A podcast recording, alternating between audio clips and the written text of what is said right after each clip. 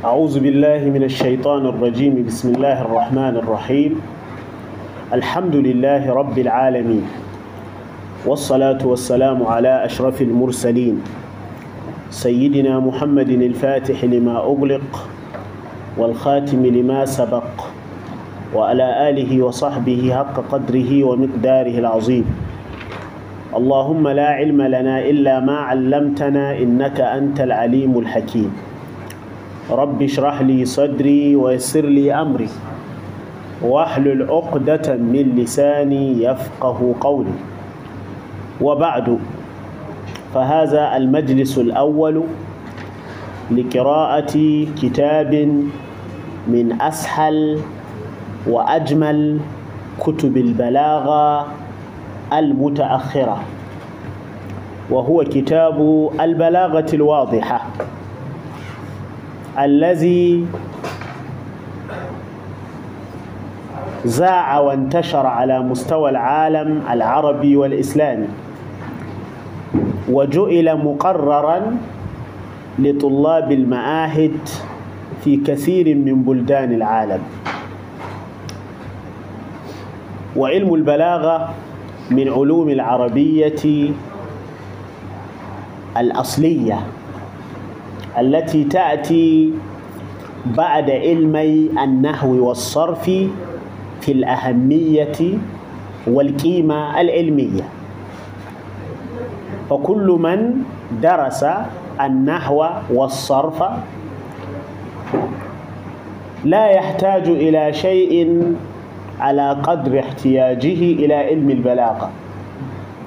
وبعلم البلاغة بعد علم النحو والصرف يكتمل للمرء آليات يكتمل لل... تكتمل للمرء آلي... الآليات المطلوبة لفهم النصوص العربية.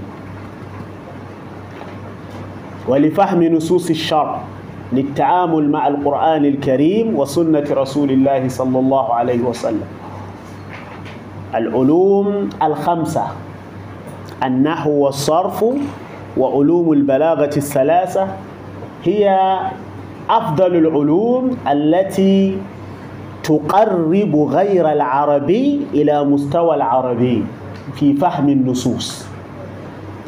ومن لا يتقن هذه العلوم لا يجوز له بالإجماع أن يستنبط من كلام الله أو من سنة رسول الله أو أن يتصدى لتفسير القرآن أو لشرح السنة. إلا من باب نقل نصوص غيره في معنى كتاب الله ومعنى سنة رسول الله. علم مهم جدا يحتاج إليه كل مسلم. وخصوصا أن إعجاز القرآن الكريم يرجع إليه كثيرا. وتصور ما أعجز به القرآن العرب يتوقف على هذا العلم عند جماهير العلماء. فمن أراد أن يعرف كيف أعجز القرآن العرب وكيف أثر القرآن في العرب وكيف عجزوا عن معارضته وعن قبول التحدي يجب أن يدرس هذا العلم وأن يكون على مستوى جيد منه. ونحن ولله الحمد بعد أن قرأنا في هذه المؤسسة المباركة عدة متون في النحو والصرف. قرأنا التحفة السنية وقرأنا شرح الأزهرية وقرأنا متن التصريف وقرأنا أوجز المقال في شرح تحفة الأطفال ثم قرأنا شرح قطر الندى وبل الصدى.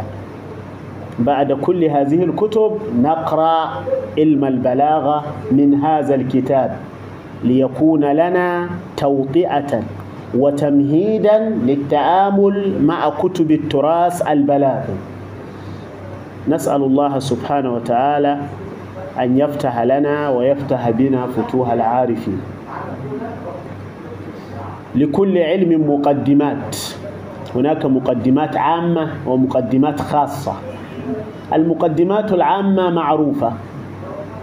إن مبادئ كل فن عشرة الحد والموضوع ثم الثمرة وفضله ونسبة والواضع والاسم الاستمداد حكم الشارع مسائل والبعض بالبعض اكتفى ومن درى الجميع هذا الشرف. في هذا الكتاب ذكر لبعض المقدمات العشرة. كالحد الحد التعريف مشار إليه والموضوع مشار إليه أيضا. فنقرأ ما في مقدمة الكتاب من المبادئ ونضيف إليها ما لا بد منه إن شاء الله. والكتاب لم يبتدأ بالبسملة ولا بالحمدلة ولا بالصلاة والسلام على رسول الله صلى الله عليه وسلم. على المنهج الذي تسرب إلى الكتاب العرب في العصر الحديث. يعني يبدأون في الكتب مباشرة دون التقديم بالبسملة والحمدلة والصلاة والسلام على رسول الله. وهذا على خلاف المتعارف عليه بين علماء الإسلام. وهو ليس خطأ صريحا لكنه على خلاف الأولى. فكثير من التراث الإسلامي من أمهات الكتب في الحديث وفي الفقه لم تبدأ بالبسملة ولا بالحمدلة ولا بالصلاة والسلام على رسول الله. على سبيل المثال صحيح البخاري. أوله إنما الأعمال بالنيات. وموطأ الإمام مالك أيضا. فابتداء الأمور المهمة بالبسملة والحمدلة والصلاة والسلام على رسول الله من المستحبات. ولا يلزم أن يكون الابتداء بالكتابة يمكن أن يكون باللسان. العالم يبتدئ في التعليف يقول بسم الله الرحمن الرحيم الحمد لله والصلاة والسلام على رسول الله ويدخل في الموضوع مباشرة. ونحسن الظن بمن لم يرد في كتابه هذا الابتداء بأنه فعله بلسانه ولم يكتب. مقدمة بكسر الدال. هذه المقدمة تشتمل على ثلاثة أمور مهمة. الأمر الأول الكلام على الفصاحة. ما هي الفصاحة؟ الأمر الثاني الكلام على البلاغة. ما هي البلاغة؟ الأمر الثالث الكلام على الأسلوب. ما هو الأسلوب؟ وما أنواعه وأضربه.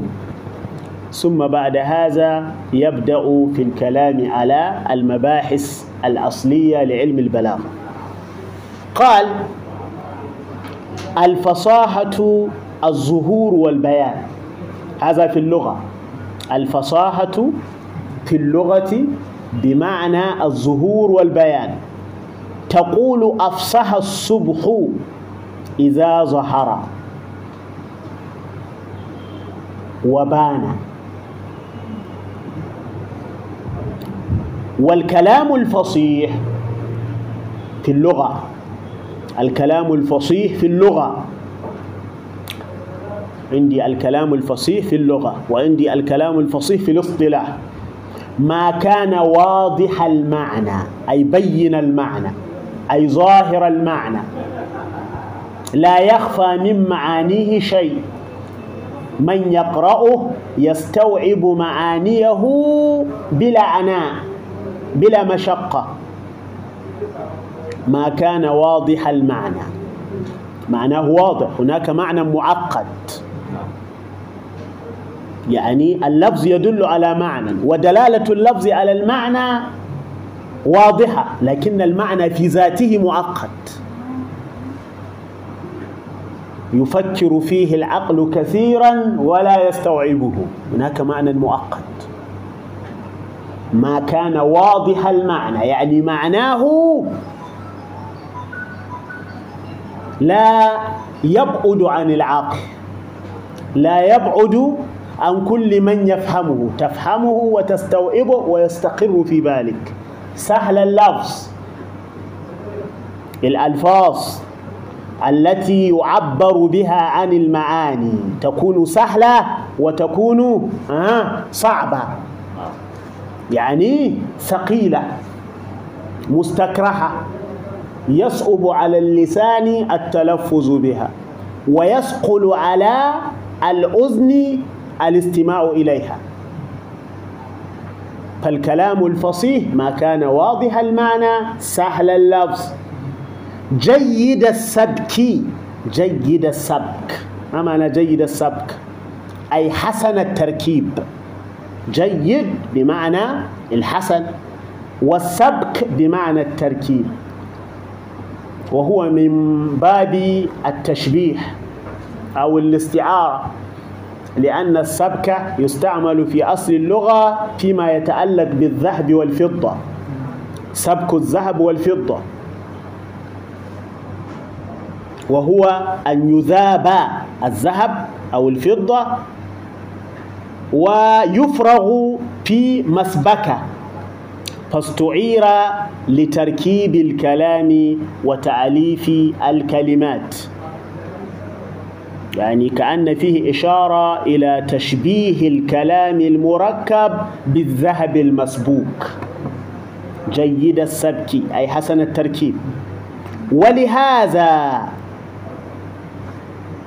قوله هو الكلام الفصيح ما كان واضح المعنى. سهل اللبز جيد السبك تعريب لغوي.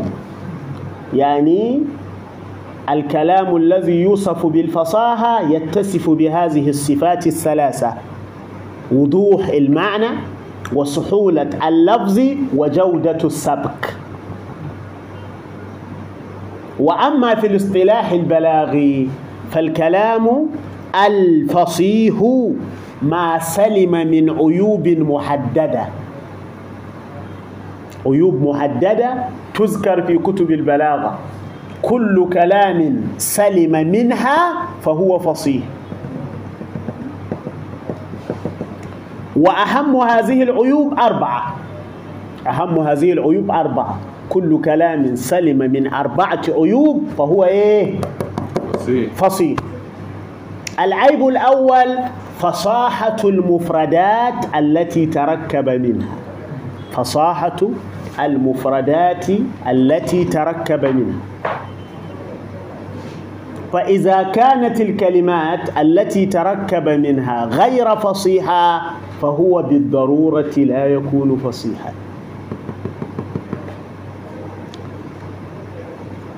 وفصاحة المفردات كما سيأتي عبارة عن سلامتها من عيوب معينة أيضا. والعيب الثاني ضعف التأليف وسيأتي الحديث عنه. والعيب الثالث تنافر الكلمات وسيأتي الحديث عنه. والعيب الرابع التعقيد بنوعي اللفظ والمعنوي ويمكن أن نفصل التعقيد اللفظي والتعقيد المعنوي. إذا أربعة عيوب. إذا سلم الكلام من جميعها فهو فصيح في الاصطلاح. الأول سلامة المفردات فصاحة المفردات. الثاني آه السلامة من ضعف التعليف. الثالث السلامة من تنافر الكلمات والرابع السلامة من التعقيد اللفظي والخامس السلامة من التعقيد المعنوي وكل كلام يوجد فيه واحد من هذه الخمسة فهو إيه؟ غير فصيح اصطلاحا وهناك تلازم بين ما ذكره صاحب الكتاب وبين ما اشتمل أو ما سلم من هذه من هذه العيوب الخمسة. فكل ما سلم من هذه العيوب الخمسة لابد أن يكون واضح المعنى. فإن لم يكن واضح المعنى ففيه التعقيد المعنوي. ولا بد أن يكون سهل اللفظ. وإن لم يكن سهل اللفظ ففيه إيه؟ أه؟ ففيه تنافر. أه؟ الكلمات. أو فيه عيوب العيوب التي تخل بفصاحة المفردات. يعني مفرداته فيها تنافر الحروف أو فيها الغرابة. سهل اللفظ. سهل اللفظ. مفرداته فصيحة. وليس فيه تنافر الكلمات. وجيد السبك. يعني ليس فيه ضعف التعليف. وليس فيه التعقيد اللفظي فهو يشير بهذه الصفات الثلاثة إلى سلامة الكلام من العيوب الخمسة. يعني واضح المعنى؟ إشارة إلى إيه؟ سلامته من التعقيد المعنوي. سهل اللفظ إشارة إلى سلامته من تنافر الحروف في كلماته. ومن الغرابة في كلماته ومن تنافر الكلمات في تركيبه. جيد السبك إشارة إلى سلامته من ضعف التعليم والتعقيد اللفظ. هل فهمنا؟ قال ولهذا وجب أن تكون كل كلمة فيه أي في الكلام الفصيح جارية على القياس الصرفي. جارية. آه وهذه العبارة غير دقيقة. فهي توهم أن ما جاء على خلاف القياس الصرفي لا يكون فصيحا. والأمر ليس كذلك. قد يكون اللفظ على خلاف القياس الصرفي وهو الفصيح الذي لا يوجد غيره. مثلا استحوذ عليهم الشيطان فأنساهم ذكر الله استحوذ. هذا على خلاف القياس الصرفي. فالقياس الصرفي يوجب أن يقال استحاذ كما يقال استقال واستمال واستنار. واستحوذ هو الفصيح الذي لا يوجد غيره. ها؟ ولذلك اعترض على هذه العبارة. هو نقلها من غيره من البلاغيين وهي مردود عليها أو مردودة. الصواب أن يقال جارية على وضع العرب. جارية على وضع العرب أو على القياس اللغوي. ووضع العرب أحسن. يشمل الجارية على القياس الصرفي وما سمع عن العرب على خلاف القياس الصرفي. يشمل الاثنين. الصواب أن يقال جارية على وضع العرب وليس على القياس الصرفي.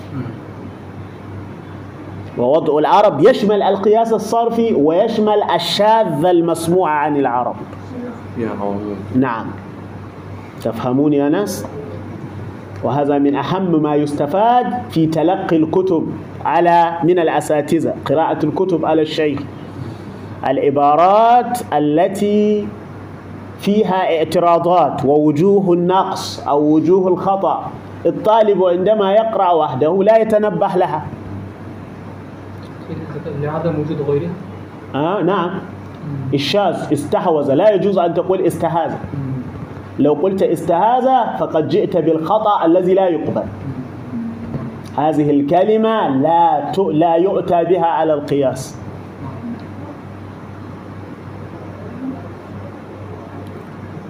ومثلها ورث يرث. ورث يرث. القياس أن يقال في المضارع يورث وهذا القياس لم يثبت. لو قلت يورث فقد جئت بالخطأ الذي لا يقبل. وقياس المضارع من فعل أن يكون على يفعل. لكن لم يثبت في يرث لم يثبت في مضارع ورث إلا يرث. ولا يجوز أن يؤتى بالقياس. في هل فهمنا؟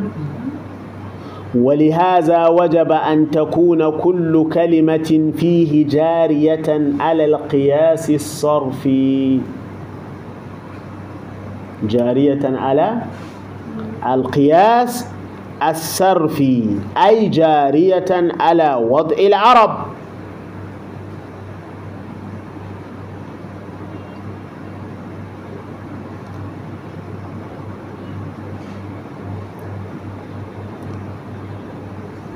ومما يعاب ويفتقد صفة الفصاحة لأنه جاء على خلاف وضع العرب بيت للمتنبي.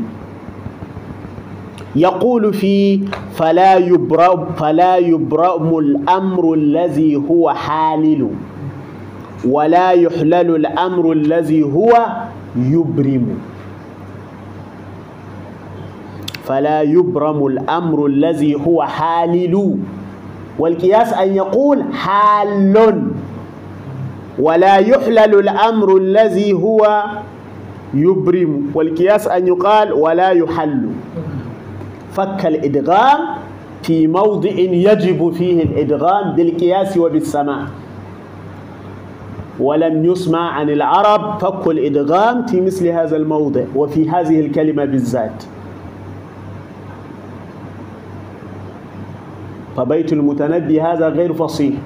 وهو بالضرورة يعني قد يقال أساسا ليس صوابا وكل خطأ غير فصيح وليس كل ما افتقد الفصاحة خطأ. وجب أن تكون كل كلمة جارية على إيه؟ على وضع العرب. بينة في معناها. ما معنى بينة في معناها ظاهرة بينة في معناها ظاهرة في معناها وهو يعني الكلمة تكون فصيحة الفصاحة صفة مشتركة بين ثلاثة أشياء تكون صفة للكلمة وتكون صفة للكلام وتكون صفة للمتكلم. وبهذا يكون عندي ثلاثة أقسام للفصاحة. القسم الأول فصاحة الكلمة والقسم الثاني فصاحة الكلام والقسم الثالث فصاحة المتكلم. فقد أشار إلى فصاحة الكلام وسيأتي تفصيله مرة أخرى. والآن يشير إلى فصاحة الكلمة. والكلمة تعد فصيحة إذا سلمت من ثلاثة عيوب. العيب الأول مخالفة وضع العرب ويعبر عن هذا بمخالفة القياس الصرفي وهو غير دقيق وقد يوجه بالتقليب. هذا العيب الأول. إذا كانت الكلمة على خلاف وضع العرب فهي غير فصيحة بالضرورة. العيب الثاني أن تكون معنوسة الاستعمال في نصوص البلغاء يعني ألا تكون غريبة. هذا المشار إليه بقوله بينة في معناها. بينة في معناها يعني إيه بينة في معناها؟ ألا تكون غريبة. غريبة. يعني إيه غريبة؟ غير مستعملة في نصوص الفصحاء والبلغاء. كلمة لم ترد في القرآن الكريم تما ولو مرة. ولم ترد في المعلقات ولم ترد في المعلقات السبع ولم ترد في الأحاديث الشريفة. لم ترد في شعر أمثال المتنبي ولكننا وجدناها في بيت شاذ أو في سماع شاذ فهي غريبة. غرابة غرابة الكلمة ألا تكون مستعملة في نصوص الأدباء والفصحاء. كمثل كلمة جرشة بمعنى النفس. آه المتنبي يقول في مدح رجل يقول كريم الجرشة شريف النسب. مبارك الاسم أغر اللقب. كريم الجرشة شريف النسب. الجرشة يعني كريم النفس. الجرشة لا وجود لها في القرآن ولا في السنة ولا في أشهر الدواوين ونصوص الأدباء والبلغاء.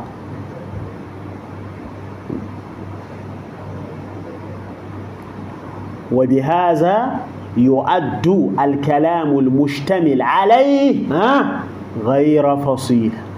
والكلمة في ذاتها غير فصيحة إلا إذا تطلبها المقام. هناك مقام يتطلب الكلمات الغريبة.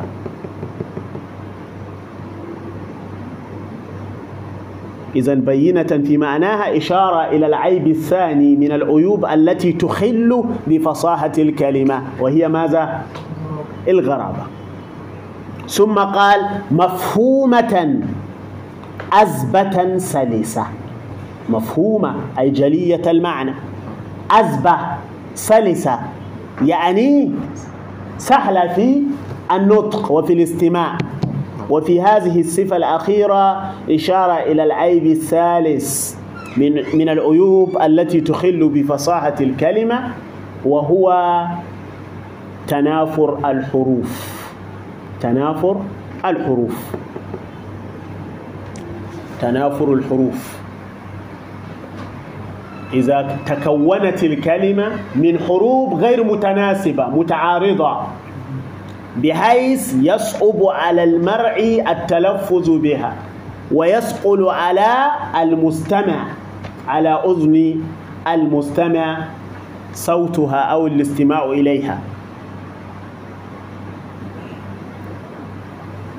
ككلمة الخؤخؤ كما يقولون الخؤخؤ. يعني كلمة وضعت للإعياء للتمثيل ولا وجود لها في كلام العرب. أو كلمة غريبة تطلق على نبت من النباتات؟ وتفسير الكلمات بهذه العبارة يعني إيه؟ أشبه ما يكون بإحالة إلى مجهول. يعني كلمة إيه؟ لا يعرف معناها على وجه التحقيق فيقال اسم نبات. اسم نبات. خؤخو يقال إنه سمع أعرابي سئل عن ناقته فأجاب بقوله تركتها ترعى الخؤخو بمعنى ترعى النبات. فهذه الكلمة ثقيلة. يصعب على المرء أن يتلفظ بها ولا يسعد السامع بالاستماع إليها فهذه ثلاثة عيوب. إذا إذا اشتملت أي كلمة على واحد منها فهي غير فصيحة. مخالفة وضع العرب وإيه؟ وتنافر الحروف والقرابة. هل فهمنا؟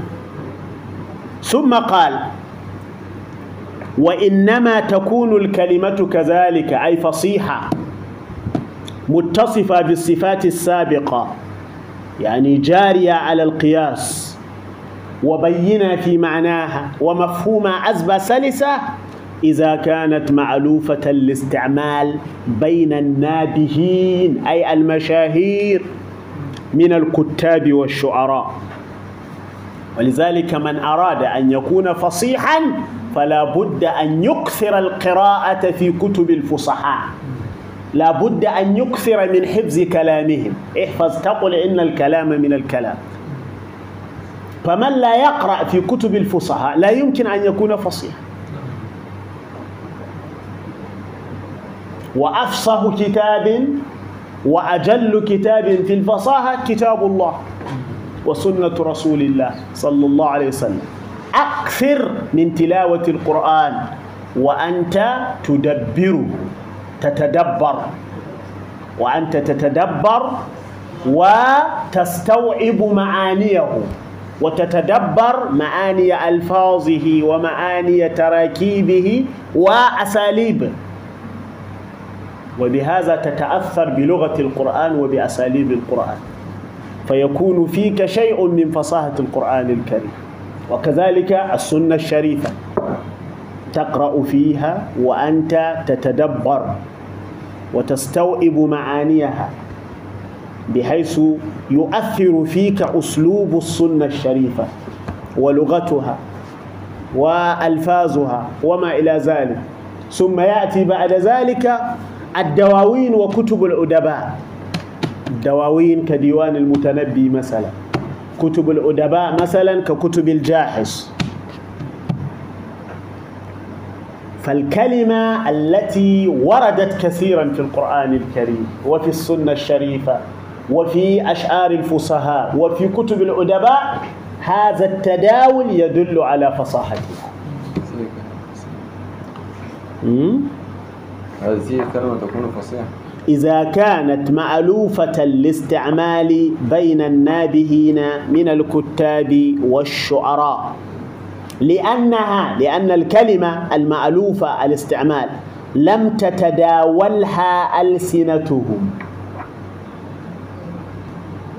تتداولها أي لم تشتهر على ألسنتهم. لم يكثر استعمالها في ألسنتهم. التداول كثرة الاستعمال. هنا لم تتداولها ألسنتهم أي لم يكثر استعمالها في ألسنتهم. ولم تجري بها أقلامهم ولم يكثر استعمالها في كتاباتهم في كتبهم ورسائلهم إلا لمكانها من الحسن. أي إلا لحسنها باستكمالها جميع ما تقدم. لأنها تستكمل جميع ما تقدم من نعوت الجودة وصفات الجمال.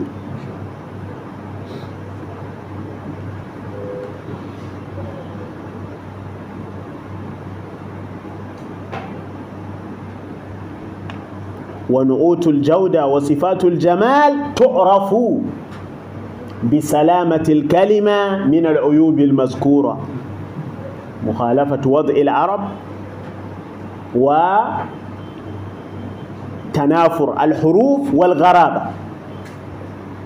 ثم قال والذوق السليم هو العمدة في معرفة حسن الكلمات وسلاستها. ما هو الذوق السليم؟ ما هو الذوق؟ من يعرف معنى الذوق؟ كثير من الحقائق التي لا يختلف الاثنان في إثباتها ها يعجز الناس عن تعريفها. حقيقة متفق على ثبوتها. لا ينازع أحد في ثبوتها لكن لن يستطيع أحد أن يذكر لها تعريفا واضحا يعتمد عليه في تصورها. مثلا العقل. ما هو العقل؟ ليس لنا تعريف يمكن الاعتماد عليه. ولا يختلف أحد في وجود شيء يسمى العقل. ولكن ما حقيقته ما مفهومه ما تعريفه؟ لا نعلم وما أوتيتم من العلم إلا قليلا. الحب ما هو الحب؟ ما تعريف الحب؟ وكل يوم نتكلم عن الحب ما هو الحب؟ ليس له تعريف محدد. إذا قلت إنه الميل فقد يميل الإنسان إلى من لا يحب لسبب من الأسباب. ها؟ إيش؟ يعني لم يستطع أحد كل واحد حاول. آه. لم يستطع أحد حتى ابن حزم الظاهري وضع كتابا متكاملا يحاول فيه أن يحدد مفهوم الحب ولم يستطع. فلا يستطيع أحد أن يحدده. شيء معنوي يعرف بعلامات وعلامات كثيرا ما تخدع. والعقل أيضا شيء معنوي يعرف بالعلامات والعلامات قد تخدع. واحد تصرفاته كلها تصرفات العقلاء ولكنه ها جسم البغال وأحلام العصافير وواحد فيه كل علامات الحب إلا أن في قلبه إيه؟ كراهية وحقد وعداء لا يعلم بها إلا الله سبحانه وتعالى. وكذلك الذوق ما هو الذوق؟ ليس لنا تعريف محدد للذوق إلا أن له علامات. نعرف علاماته ونعرف الطرق التي تؤدي إليه. الطرق التي تكون للإنسان الذوق في دراسة النصوص العربية وفي التمييز بين الجيد والرديع من الكلمات ومن الأساليب والعبارات. ثلاثة أشياء أساسية. بها يتكون للإنسان الذوق السليم. الشيء الأول كثرة القراءة والاطلاع. كثرة القراءة والاطلاع.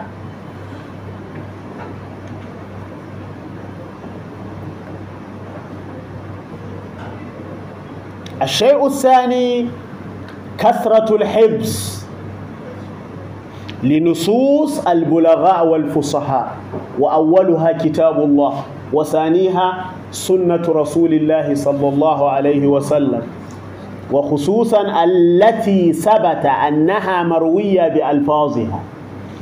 المروية بالمعنى قد لا تكون على المستوى المطلوب لأن اللفظ للراوي والمعنى لرسول الله صلى الله عليه وسلم وقد يكون الراوي من غير العرب. ثم الشعر الجاهلي شعر امرئ القيس شعر زهير المؤلقات السبعة. على وجه التهديد. شعر البهتري شعر مروان ابن أبي حفصة شعر ذي الرمة شعر الفرزدق والأخطل وجرير شعر أبي تمام شعر المتنبي أبي العلاء المعري وهكذا حتى تصل إلى أحمد شوقي في العصر الحديث. تحفظ ما تستطيع أن تحفظ من أشعار هؤلاء. الكتابات الفنية الجميلة كرسائل الجاحظ وما على شاكلتها. كثرة الحفظ. تقرأ ما تستطيع وتحفظ ما تستطيع. والعلم ليس له حدود. كلما زاد جدك زاد عطاء الله لك. العلم لا حدود له. يعني كل ما لك من العلم وكل ما أنت فيه من المستوى العلمي يمكن أن تجتهد أكثر ويعطيك الله أكثر. العلم ليس له نهاية. إذا اكتفيت خلاص. إذا إذا شبعت وقلت هذا يكفيني. أنت حر. لكن ليس لنا نهاية في العلم. يقال إذا وصلت إلى هذه النهاية فليس بعدها شيء. لا. كلما زاد جدك واجتهادك زاد عطاء الله لك. وإذا توقفت إن شاء الله سيأتي واحد ويجتهد أكثر منك ويأخذ أكثر منك. وهنا تأتيك المشكلات الحسد. واحد أصغر منك وتراه فجأة هو مثلك أو أفضل منك.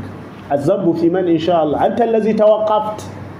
لو لم تتوقف لن يصل إلى مستواك من هو دونك ولن يتفوق عليك من هو مثلك فلا تلوم إلا نفسك. لذلك إذا أردت العلم الحقيقي وإذا أردت أن تعالج نفسك من الحسد والحقد فلا تتوقف في العلم.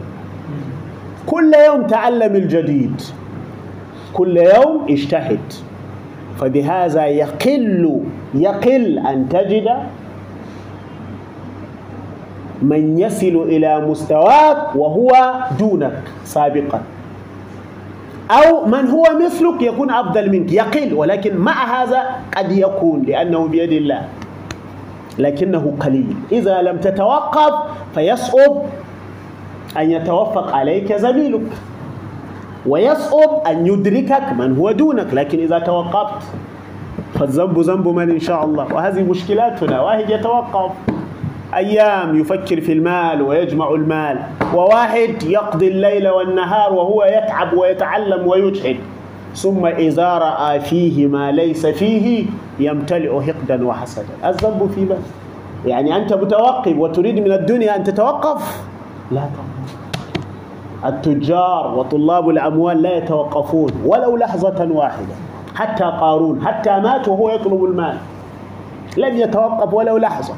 والآن أغنى أثرياء العالم لا يستطيع أن يتوقف عن طلب المال أسبوعا واحدا. وليس لأنه يحتاج لكنه لا يريد أن يدركه من هو دونه ولا أن يتفوق عليه من هو مثله فأهل العلم أولى بهذا. لا تتوقف. اقرأ ما تستطيع أن تقرأ. وبحسب ما تستطيع ها بحسب ما تأخذ. احفظ ما تستطيع أن تحفظ. إذا ما يكون الذوق ثلاثة الأول كثرة القراءة والاطلاع والثاني كثرة الحفظ لنصوص البلغاء والفصح والثالث الشيء الثالث عطاء إلهي وهو الذكاء والموهبة. من يستطيع أن يقرأ لغيره ويتأثر به ويأتي منه شيء جديد.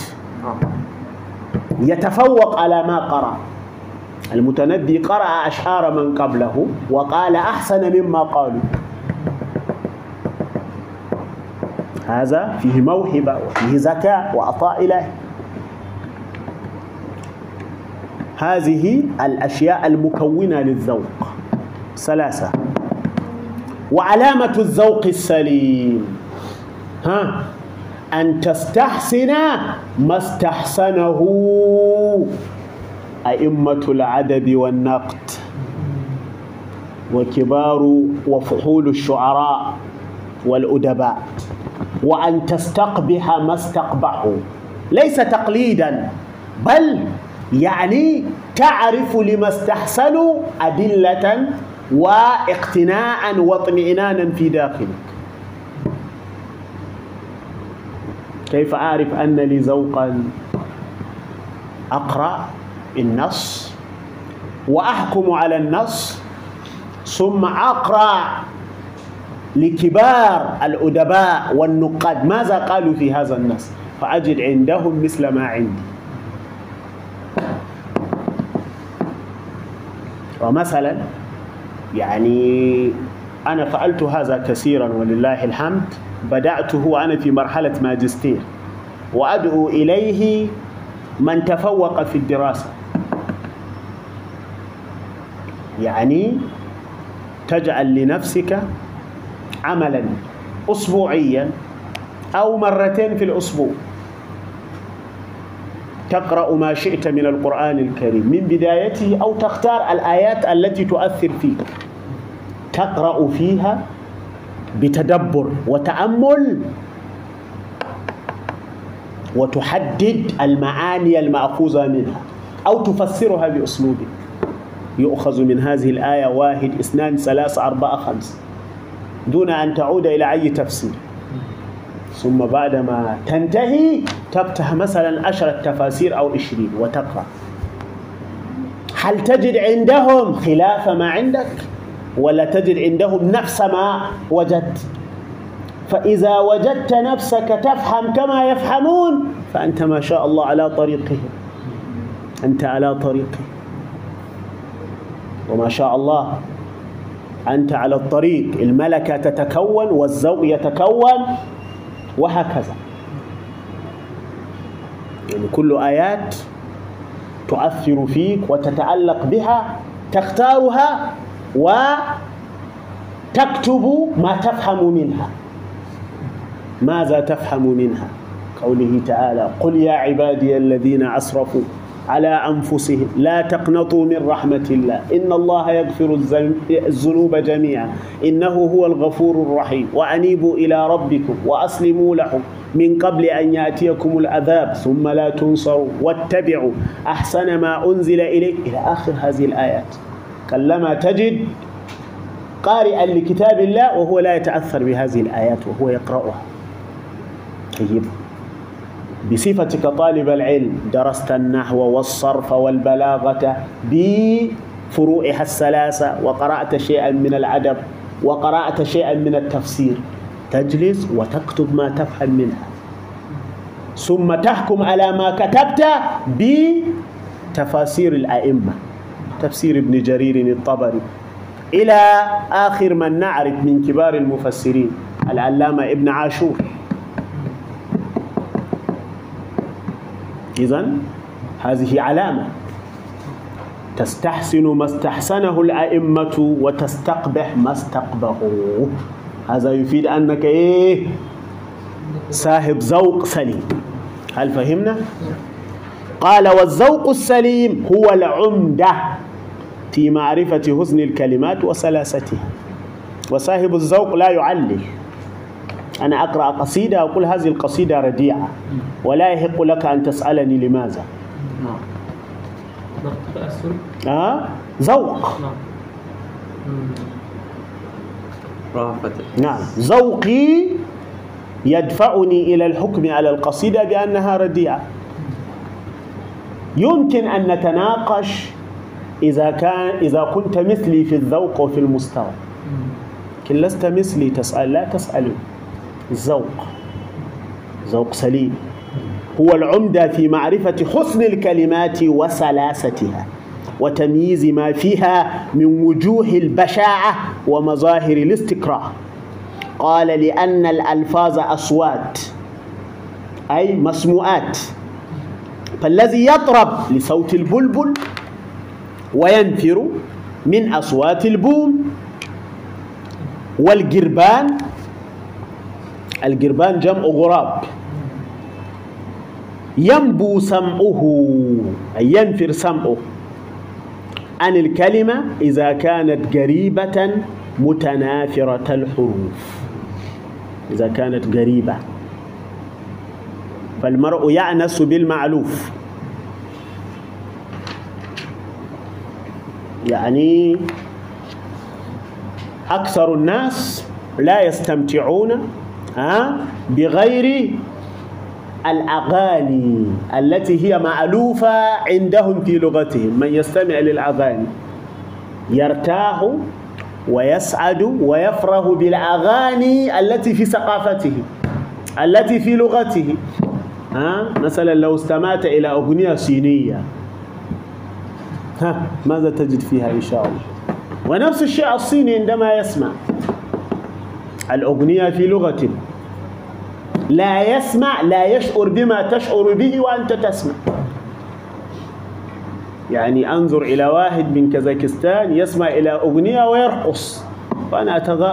أنظر إليه وأتعجب. أقول ماذا في هذه الأصوات؟ ولا شيء. هو يشعر بشيء. إذا لو كنت مثله ربما أشعر بما يشعر به. يعني لو كنت مثله من بلده وولدت في بلده وأتحدث بلغته وأتذوق ما أتذوق عندما أشعر عندما أسمع أشعر ما يشعر به. لأن الصوت لأن هذه الأغاني معلوفة بإيقاعاتها وبطريقة النغم وبكل شيء. هنا يأتي الغرابة. لماذا صاحب الذوق؟ ينبو سمعه عن الكلمة الغريبة لأنها غير معلوفة.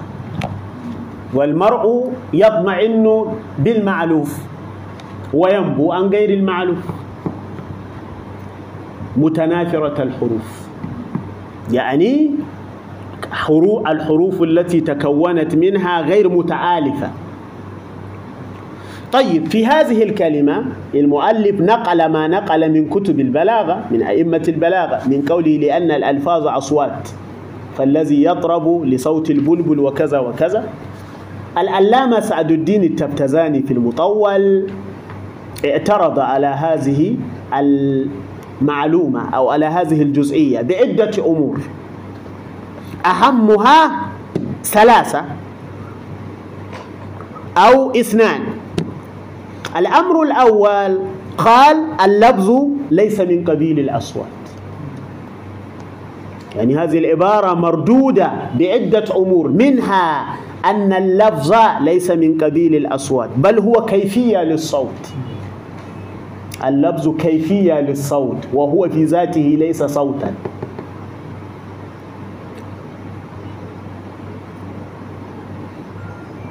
مثلا الركوب. كيفية هيئة حالة للإنسان وليس إنسانا. اللفظ كيفية للصوت وليس صوتا فلا يصح أن يقال لأن الألفاظ أصوات.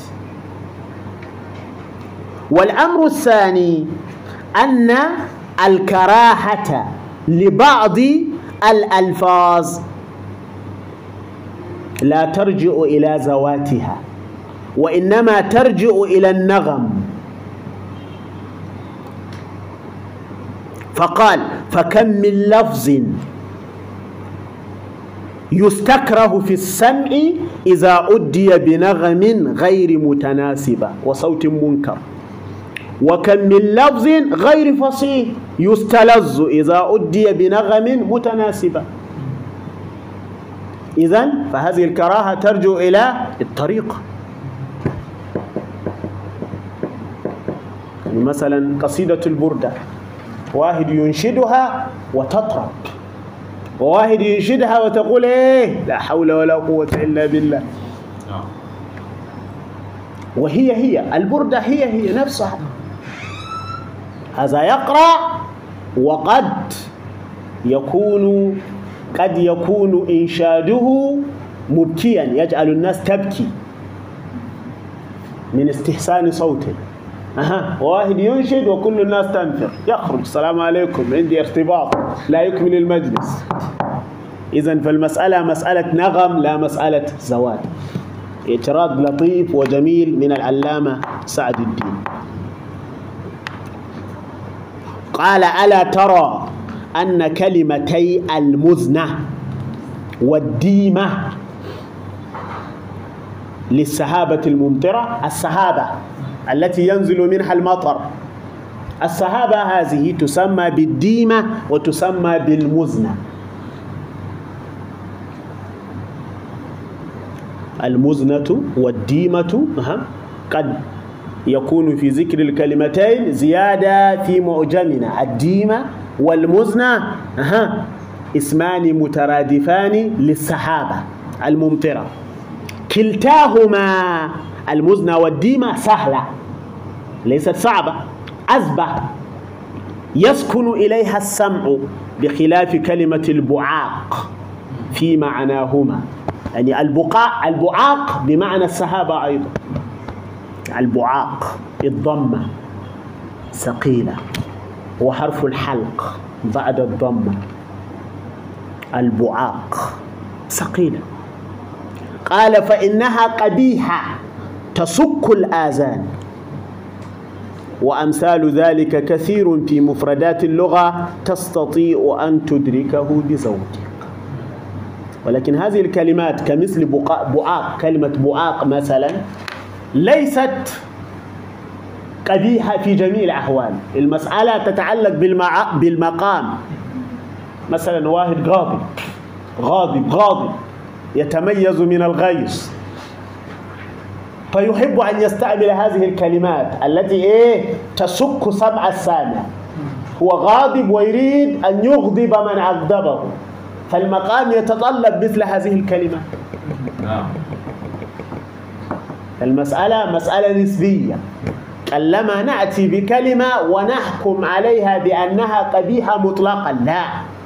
هي قبيحة في مقام وجميلة في مقام آخر. مفهوم الكلام؟ يرجع إلى انتهى من فصاحة الكلمة. ويرجع إلى فصاحة الكلام. قال ويشترط في فصاحة التركيب. والمراد بالتركيب الكلام. فوق جريان كلماته على القياس الفصيح أي على وضع العرب وسهولتها. يعني يشترط في الكلام الفصيح أن تكون كلماته فصيحة. وهذه الفصاحة تتمثل في سهولتها وفي جريانها على وضع العربي يزاد إلى ذلك أو يزاد على ذلك الأذان؟ أن يسلم من ضعف التعليف. أن يسلم من ماذا؟ ضعف التعليف.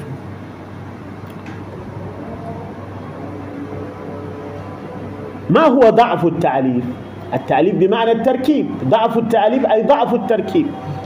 قال وهو خروج الكلام عن قواعد اللغة المضطردة. وهذا التعريف غير دقيق. خروج الكلام عن قواعد اللغة المضطردة. لا. الكلام الخارج على قواعد اللغة المضطردة هو خطأ. ولا يوصف بأنه غير فصيح فقط بل هو خطأ. ضعف التعليم في كتب البلاغة يعرف بأن يبنى الكلام على خلاف مذهب الجمهور من النحاة مسألة فيها خلاف. الجمهور على المن لا يجوز. وبعض العلماء على الجواز وأنت تبني كلامك على رعي بعض العلماء. لا يحكم عليك بالخطأ لكن يحكم على كلامك بأنه غير فصيح.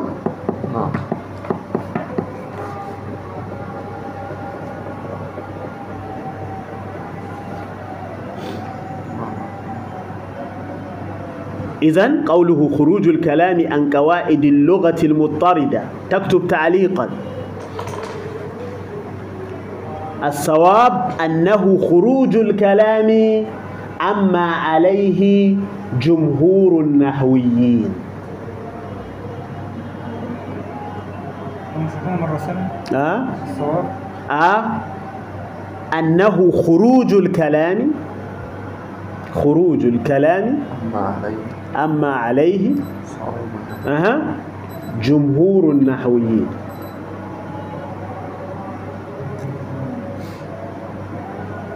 كرجوع الضمير على متأخر لفظا ورتبة.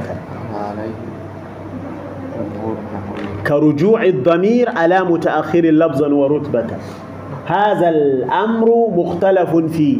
الجمهور على أنه لا يجوز. الضمير يعود على المتقدم. ويعود على المتأخر في اللفظ دون الرتبة. أما أن يعود على المتأخر في اللفظ والرتبة فهذا لا يجوز إلا في مواضع محددة. واكتبوا عند قوله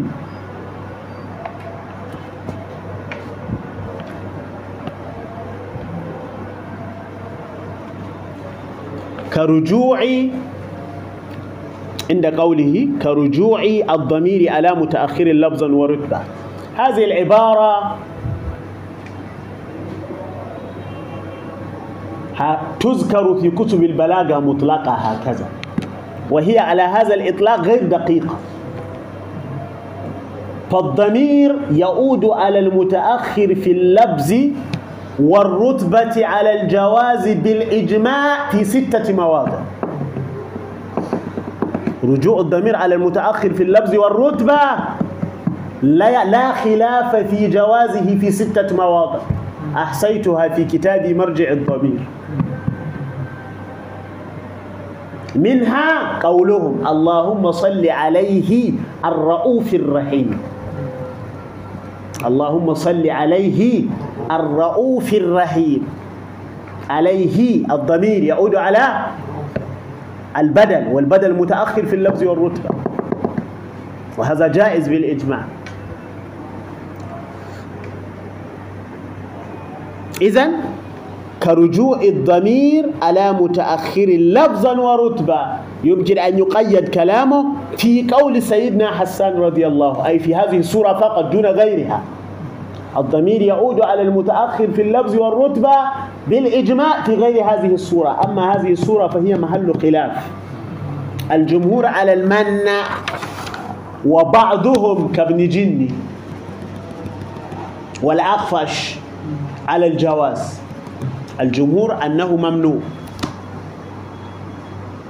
وبعضهم كابن جني والأخفش على الجواز. ومذهب ثالث على أنه جائز في الضرورة. وهو مذهب ابن هشام في شذور الذهب شرح شذور الذهب. يجوز في ضرورة الشعر دون غيره. والبلاغيون يعدون بناء الكلام عليه مخلا بفصاحة الكلام. قول سيدنا حسان إيه؟ ولو أن مجدا أخلد الدهر واحدا من الناس أبقى مجده الدهر مطعما. مطعم اسم رجل يثني عليه سيدنا حسان وهو ماجد شريف المجد بمعنى الشرف. لو أن الشرف يمنع الشريف من الموت لأخلد هذا الرجل. بلغ الغاية من الشرف ومات. ولو أن مجدا أخلد الدهر واحدا من الناس. أخلد واحدا من الناس الدهر. أبقى مجده الدهر مطعما. الأصل أبقى المجد مطعما. أبقى المجد مطعما. أبقى مطعما مجده. هذا صواب بالإجماع. لكن أبقى مجده مجده فاعل وهو مضاف أها إلى ضمير يعود على المفعول به. قال فإن الضمير في مجده راجع إلى مطعما وهو متأخر في اللفظ والرتبة كما ترى. وفي الرتبة لأنه مفعول به فالبيت غير فصل. اكتب عند قوله لأنه مفعول به.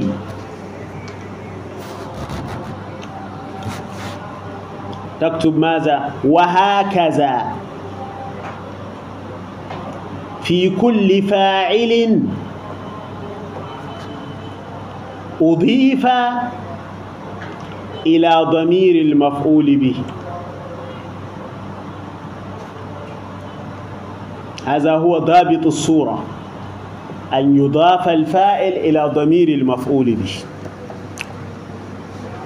ونكتفي بهذا القدر. إن شاء الله في الدرس القادم نبدأ من قوله ويشترط أن يسلم التركيب من تنافر الكلمات. من له أي سؤال فليتفضل.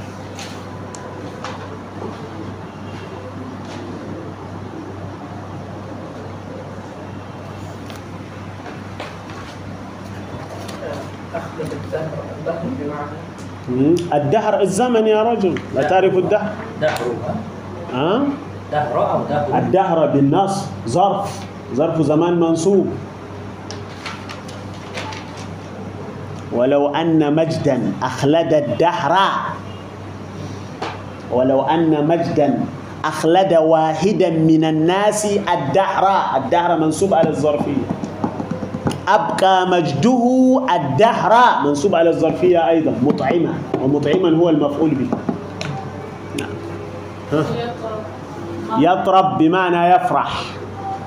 يسعد. الطرب بمعنى الفرح ها والسعادة. وقد يستعمل بمعنى الضحك. عندما ها تنظرين إلى القرد ها تضحكين. وهذا الضحك يعبر عن إيه؟ عن الفرح. هناك ضحك يعبر عن إيه؟ عن الفرح. شيء يضحكك. والضحك من باب الفرح والسرور يسمى بالطرب أيضا الطرب عطربا وأنت كالنصري والدهر بالإنسان دواري آه. ينبو بمعنى يكره يبتعد يتجنب.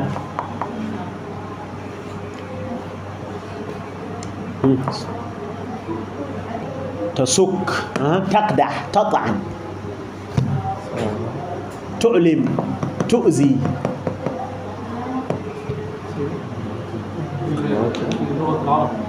مثل استحوذ كثيرا آه؟ لا كلمات محدودة لا قليلة. مثلا إذا نقول طرف استنمق الجمل من هذا الباب أيضا شاذ يعني لا تجاوز عشر كلمات. استتيس أيضا. كلمات محددة نعرفها بالسمع وتقدم من نعوت الجودة أي صفات الجودة؟ تقدم من نعوت الجودة أي صفات الجودة. نعم النعوت والصفات بمعنى واحد. وصلى الله على النبي الكريم. أعوذ بالله من الشيطان الرجيم. بسم الله الرحمن الرحيم. الحمد لله والصلاة والسلام على رسول الله وعلى آله وصحبه ومن والاه. وبعد ففي قراءة كتاب البلاغة الواضحة للأستاذين الجليلين علي جارم ومصطفى أمين. تكلمنا فيما سبق عن الفصاحة والبلاغة. وعرفنا معنى الفصاحة والبلاغة في اللغة وفي الاصطلاح. وبقي لنا أن نعرف معنى البلاغة كعلم على علم معين. لم يتطرق لهذا لم يذكر تعريفا علميا دقيقا للبلاغة على أنها اسم لعلم من العلوم. وتعرف البلاغة بأنها اكتبوا. علم.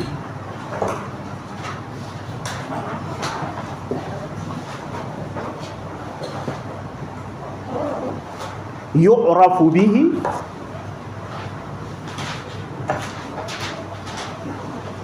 ما يحترز.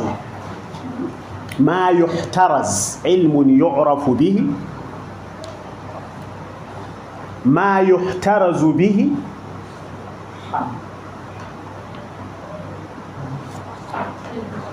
علم يعرف به ما يحترز به عن الخطأ في تأدية المعنى.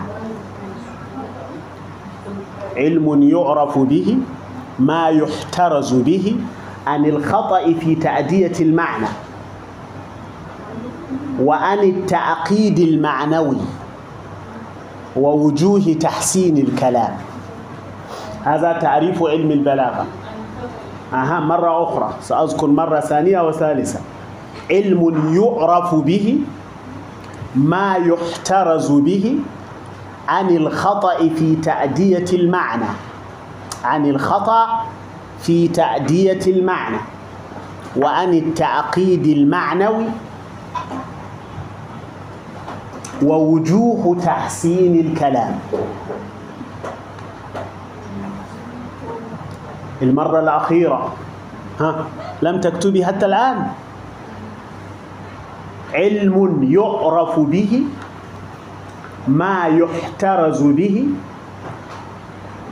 عن الخطأ في تأدية المعنى وعن التعقيد المعنوي ووجوه تحسين الكلام. وبناء على هذا التعريف لعلم البلاغة ثلاثة أبواب. رئيسة. يعد كل باب فنا مستقلا.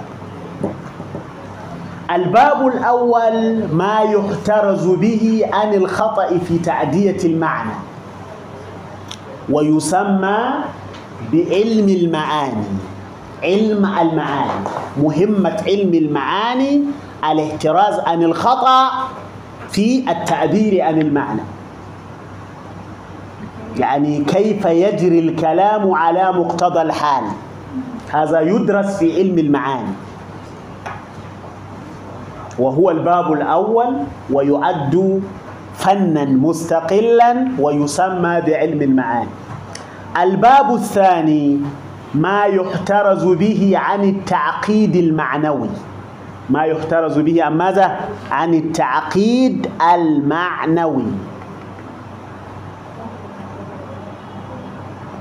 وهذا الباب يسمى بعلم البيان وهو الذي يدرس فيه التشبيه والمجاز بنوعيه الاستعارة والمجاز المرسل.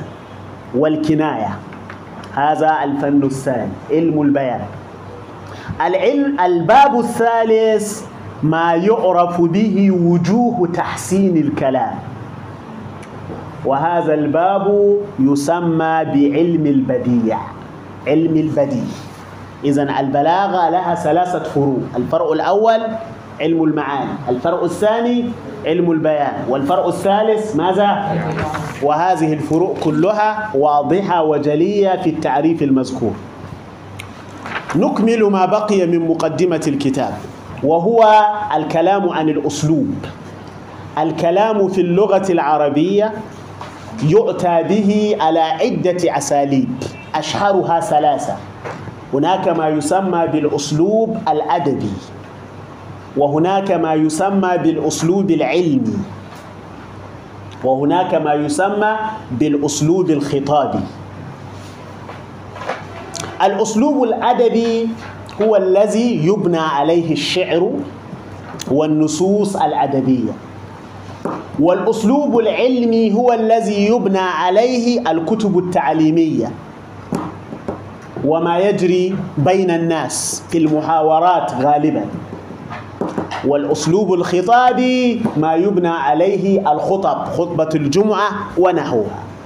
يتكلم عنها المصنف أو المؤلف بقوله بعد هذا يحصل بك يجدر بك ينبغي لك أن تعرف شيئا عن الأسلوب. ما هو الأسلوب؟ الأسلوب في اللغة بمعنى الطريق والمنهج والمسلك. الذي هو المعنى المصوغ في ألفاظ مؤلفة على صورة تكون أقرب لنيل الغرض المقصود من الكلام وأفعل في نفوس سامعيه هذا تعريف الأسلوب عند صاحب هذا الكتاب. وفي هذا التعريف بعض الخلل لا أدري هل هو في نسختي أو في كل النسخ. الأسلوب الذي هو المعنى. هكذا عندكم المعنى المسوغ نعم. نعم. أنت تنظر إلى شيء آخر. أن تعرف شيئا عن الأسلوب. اقرأ شكبيك عن الأسلوب الذي هو المعنى المذكور أيوة نعم. يعني ينبغي أن يقول هو التركيب وليس المعنى. آه هو التركيب. الذي هو التركيب. المصوغ أي المشتق أو المأخوذ. المعنى هنا غير لائقة. عندي لفظ وعندي معنى. الأسلوب لفظ وليس المعنى. الأسلوب يدل على المعنى ولكنه في ذاته ليس معنى. عن الأسلوب الذي هو التركيب مثلا.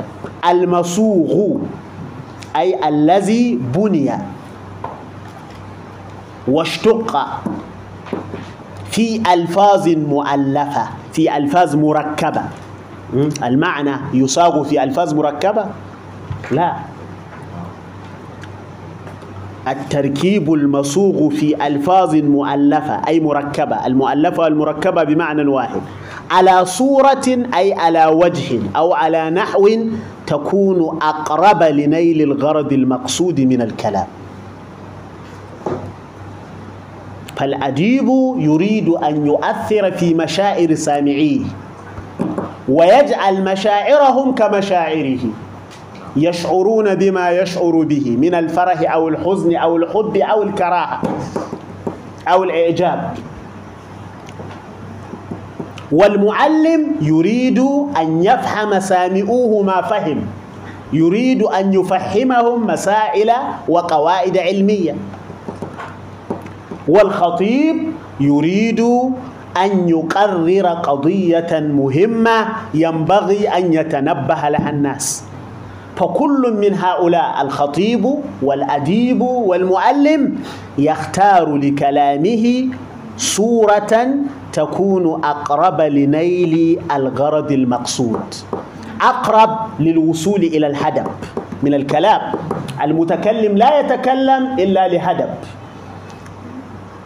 العديب يريد أن يؤثر في مشاعر المتلقي والمعلم يريد أن يفهم الطالب والخطيب يريد أن يعالج مشكلة قضية من القضايا العامة. فلا بد أن يحرص على ما هو أقرب إلى غايته وأفعل في نفوس سامعيه. أفعل بمعنى أكثر تأثيرا. أفعل بمعنى أكثر تأثيرا في نفوس سامعيه. هذا تعريف الأسلوب وهو تعريف جميل إلا ما يتعلق بالكلمة الأولى في التعريف. وأنواع الأساليب كثيرة. البلاغيون يتكلمون عن الأساليب والنحويون يتكلمون عن الأساليب. والأساليب في النحو مختلفة عن الأساليب في البلاغة.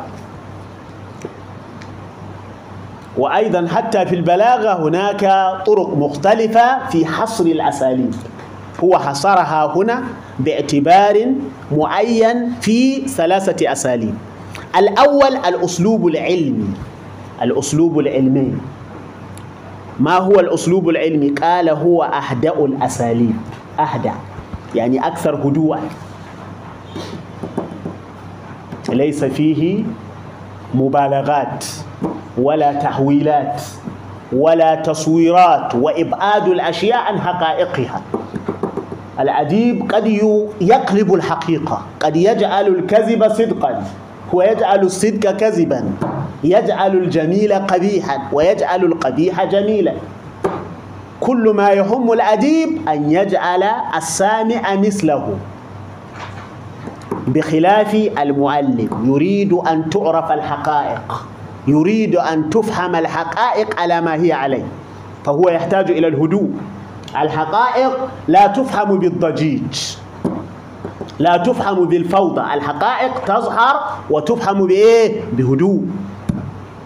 إذا أردت أن تقرر حقيقة من الحقائق يجب أن تكون هادئا أولا. ويجب أن تجعل الجو هادئا أيضا. إذا كان به ضجيج لا يمكن أن تظهر الحقائق. هو أهدأ الأساليب. وهذا أساليب المعلمين والمدرسين وأكثرها احتياجا إلى المنطق السليم. ما معنى المنطق السليم؟ التفكير السليم. المنطق يستعمل بمعنى التفكير ويستعمل بمعنى الكلام ويستعمل بمعنى علم من العلوم التي تدرس ما يتعلق بالفكر. وتمييز الصحيح من الفكر والزائف منه. وأكثرها أكثر الأساليب احتياجا إلى المنطق السليم والفكر المستقيم غير المؤوج. وأبعدها عن الخيال الشعري. أبعدها أكثرها بعدا عن الخيال. الأديب يتخيل الأشياء. كما هي في داخله بصرف النظر عن الواقع. لأنه لأن الأسلوب العلمي يخاطب العقل ويناجي الفكرة يخاطب الخطاب في العلن وفي الظاهر ويناجي في السر. المناجاة في السر في الخفاء والخطاب يعني في الجهر والعلن ويناجي الفكرة ويشرح الحقائق العلمية. الحقائق جمع حقيقة. والحقيقة تستعمل فيما يقابل الباطل. الباطل. يعني الحقيقة الشيء الصحيح الثابت بأدلة يقينية. كوجود الله حقيقة. لا يمكن لأحد أن ينكرها بعلم وعلى علم. نبوة سيدنا محمد صلى الله عليه وسلم حقيقة. لا يمكن لأحد أن ينكرها بعلم وعلى علم. أشياء كثيرة من الحقائق العلمية.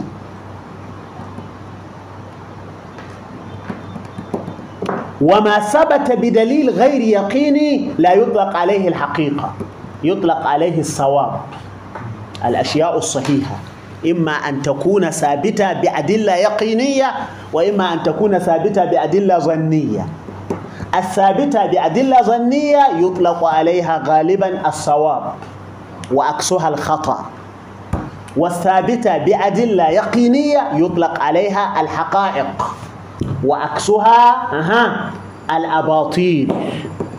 جمع باطل.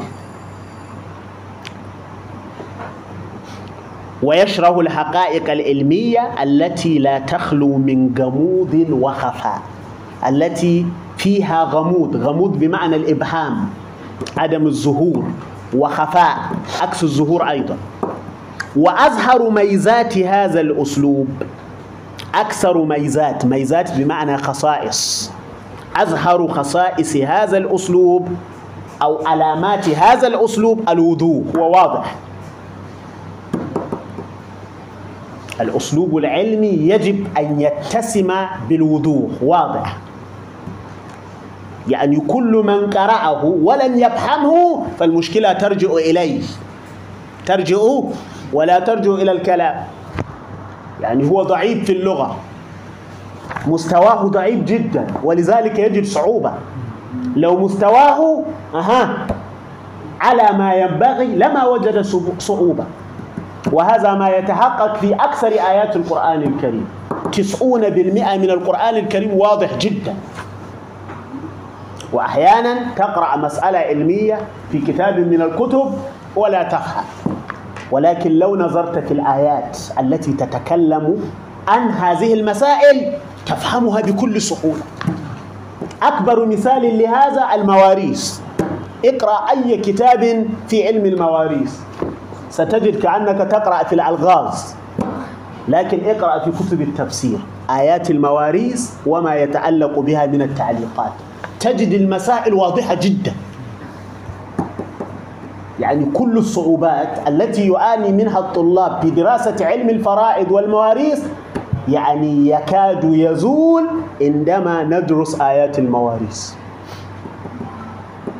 ووضوح القرآن الكريم من صور إعجازه.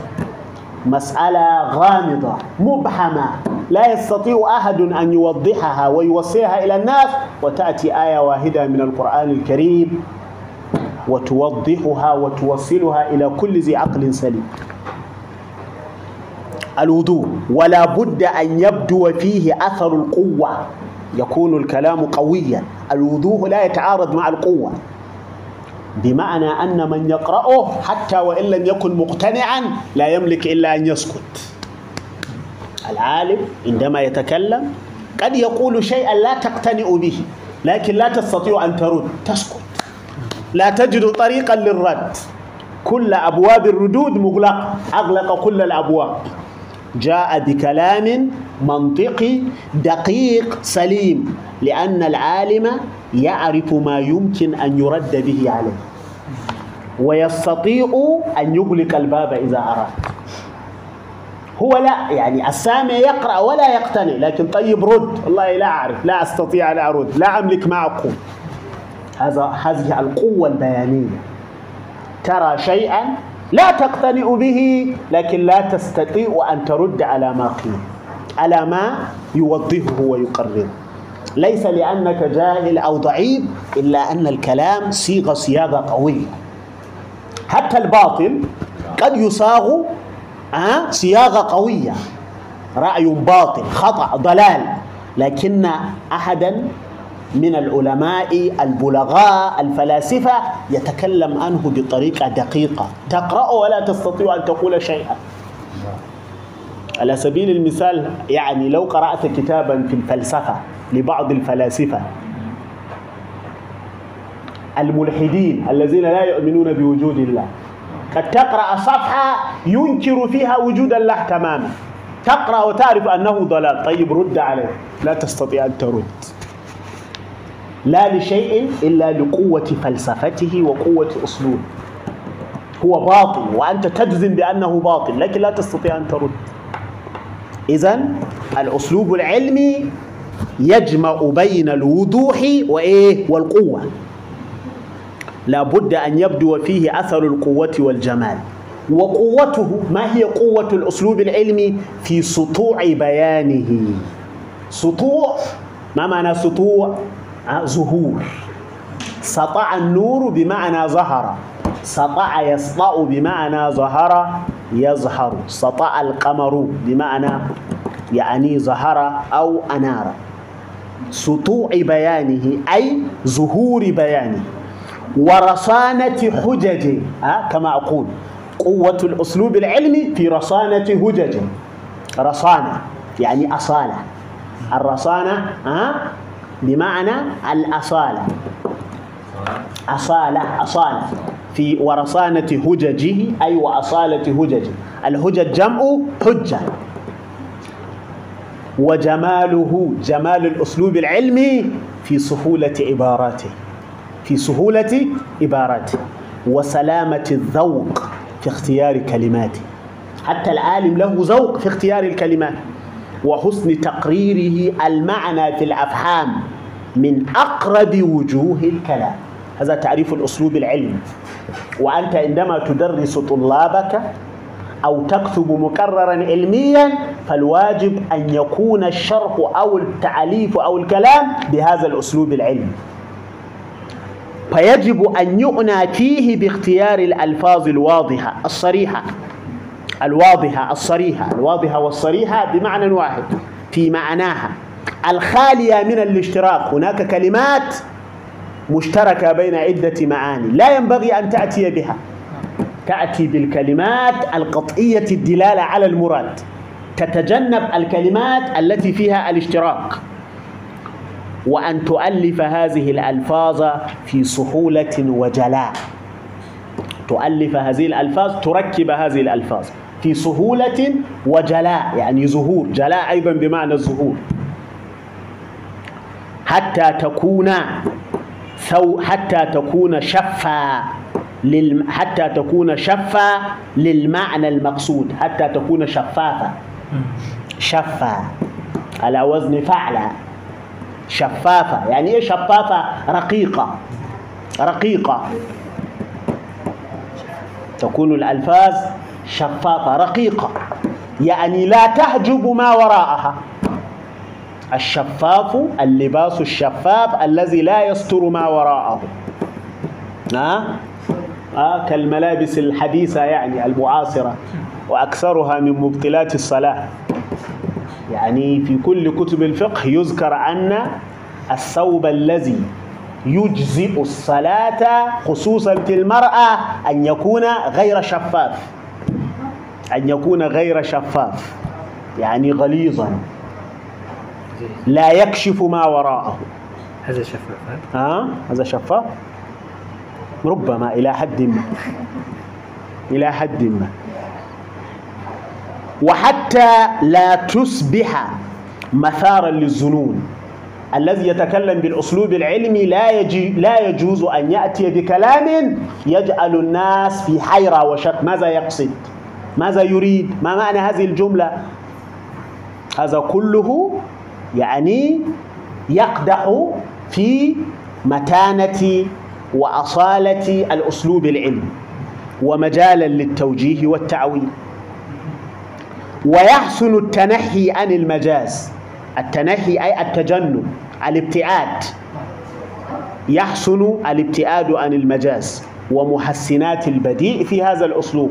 العالم يتكلف أن يأتي بالجناس وأن يأتي بالطباق أن يأتي بكذا بكذا هذا كله لا ينبغي إلا ما يجيء من ذلك عفوا أي بلا تكلف. ما يأتي بنفسه دون تكلف من غير أن يمس أصلا من أصوله أو ميزة من ميزاته. أما التشبيه الذي يقصد به تقريب الحقائق إلى الأفهام وتوضيحها بذكر مماثلها أي مشابهها فهو في هذا الأسلوب حسن مقبول هذا كله في بيان الأسلوب العلمي. والطالب يجب أن يعرف هذه الأساليب ويكون له نصيب من كل منها ليستعمل في كل مقام ما يناسبه. ولسنا في حاجة إلى أن نلقي عليك أمثلة لهذا النوع. فكتب الدراسة التي بين يديك تجري جميعها على هذا النحو من الأساليب والرسائل العلمية كلها تكتب على هذا. وإذا أردت نماذج دقيقة للأسلوب العلمي فاقرأ كتب المتقدمين. الأسلوب العلمي الدقيق البعيد عن التكلم. اقرأ ما كتبه المتقدمون مثلا تقرأ اللهم صل على الرسول المصطفى كتب ابن قتيبة مثلا. يا سلام. تعويل مشكل القرآن. يعني عندما أقرأه أشعر بنشوة يعني سبحان الله دقة الألفاظ ورسانة الأساليب. تقرأ كتاب سيبويه أيضا. كتب العلماء التي كتبت في القرون الثلاثة. يعني تجد فيها سبحان الله. المبرد أيضا المقتضى.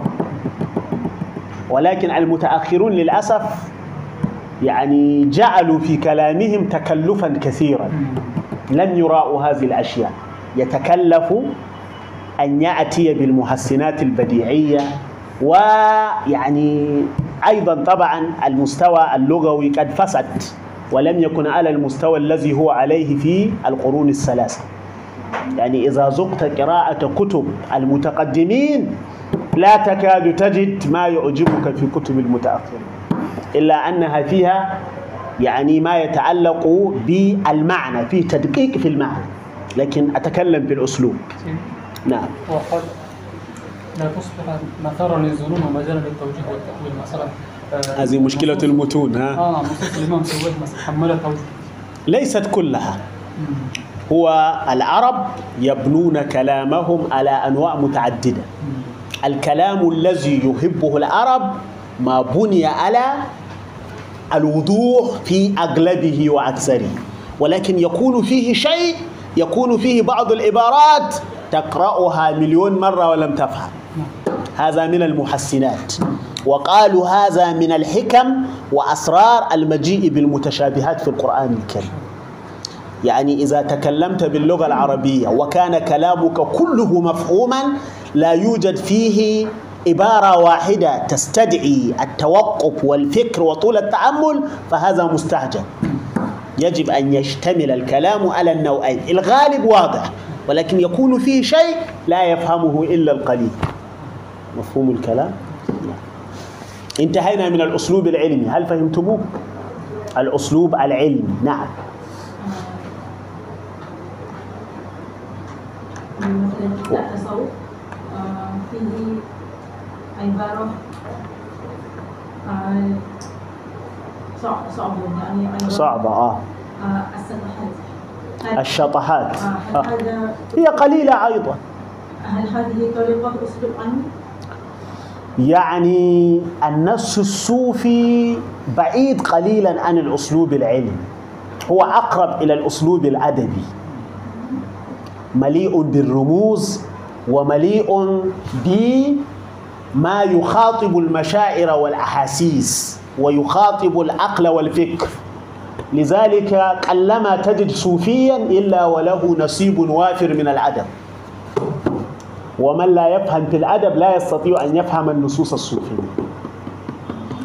لكن هناك كتب مثلا كوائد التصوف للإمام الزروق الفاسد.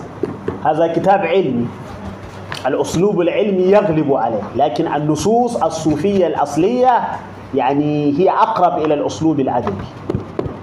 تمام؟ نعم. الرصانة بمعنى الأصالة. آه الأصيل شيء أصيل يعني ليس دخيلا ليس ضعيفا. الرصانة بمعنى الأصالة والقوة وما إلى ذلك شيء رصين. الأسلوب الأدبي الأسلوب العلمي للجميع. أكثر كلام الناس يكون على هذا الأسلوب. ينبغي أن يكون في المحاورات وفي المناظرات وفي الكتابات وفي التدريس. هذا هو الأكثر انتشارا. الأسلوب الثاني الأسلوب الأدبي وهو ما يستعمله الأدباء في أشعارهم ونصوصهم. قال والجمال أبرز صفاته. الجمال والمراد بالجمال هنا الجمال الأدبي. وأظهر مميزاته أي خصائصه. ومنشأ جماله كأنك سألته. وما حقيقة الجمال في الأسلوب الأدبي؟ قال ومنشأ جماله ما فيه من خيال رائع. خيال. تتخيل الأشياء على خلاف ما هي فيه. على خلاف ما يظهر منها. وتصوير دقيق. وتلمس لوجوه الشبه البعيدة بين الأشياء. تلمس أي تطلب. تلمس بمعنى تطلب. من الالتماس بمعنى الطلب. تلمس لوجوه الشبه البعيدة بين الأشياء. وإلباس المعنوي ثوب المحسوس. تجعل المعنويات ها؟ كالمحسوسات التي تشاهد ولا يخفى من أمرها شيء. وإظهار المحسوس في صورة المعنوي. وتجعل الحسية في صورة المعنوي. مثال على هذا شعر المتنبي. فالمتنبي لا يرى الحمى. الحمى نعوذ بالله منها. ها تعرفون الحمى؟ حتى في الحديث أن الحمى إيه؟ المؤمن يعني في تفسير قوله تعالى وإن منكم إلا واردها. وإن منكم إلا واردها. كلام عن جهنم. يعني كل كل إنسان لابد أن يمر بالنار. ثم ينقذه الله سبحانه وتعالى. قال بعضهم رووا بعضهم روى بعضهم حديثا في تفسير الآية أن الحمى هي نصيب المؤمن من جهنم. نصيب المؤمن من جهنم. يعني المؤمن إذا أصيب بالحمى كأنه يؤخذ شيء من نار جهنم ويذوق مرارته في حياته الدنيوية. فالمتنبي أصيب بالحمى وشعر منها ما لا يشعر ما لا يشعره كثير من الناس. فالمتنبي لا يرى الحمى الراجعة كما يراها الأطباء أي التي ترجع كما يراها الأطباء جمع طبيب. أثرا لجراثيم تدخل الجسم. أثرا لأشياء تدخل في جسم الإنسان. فترفع حرارته فتجعل حرارته قوية. وتسبب رعدة رعدة بمعنى اهتزاز. جسم الإنسان يرتعد يعني يهتز يتحرك يضطرب. وقشعريرة أيضا بمعنى اهتزاز. هو لا يراها كذلك. حتى إذا فرغت نوبتها حتى إذا انتهت الهمة من فعلها تصبب الجسم عرقا. سال في جسم الإنسان العرق. ولكنه ولكن المتنبي يصورها يصور الحمى كما تراها في الأبيات الآتية. وهذه الأبيات من أحسن ما قيل في الشعر في الشعر العربي. وأحسن ما قيل في وصف الحمى. ماذا يقول المتنبي؟ وزائرتي. هذا جزء من القصيدة. وزائرتي كأن بها حياء فليس تزور إلا في الظلام. بذلت لها المطارف والحشايا فآفتها وباتت في عظامي يضيق الجلد عن نفسي وعنها فتوسعه بأنواع السقام. كأن الصبح يطردها فتجري مدامئها بأربعة انسجام أراقب وقتها من غير شوق مراقبة المشوق المستحام ويصدق وعدها والصدق شر إذا ألقاك في الكرب العظام.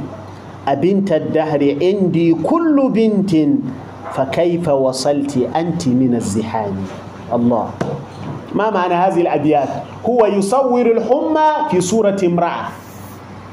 الحمى مرض. جعلها امرأة تزوره وقتا بعد وقت. وزائرتي. يعني وهم تأتيني كالزائرة. ما شأن هذه الزائرة؟ هذه المرأة الزائرة كأن بها حياء. كأنها تتصف بالحياء لماذا؟ فليس تزور إلا في الظلام لا تأتي إلا بالليل.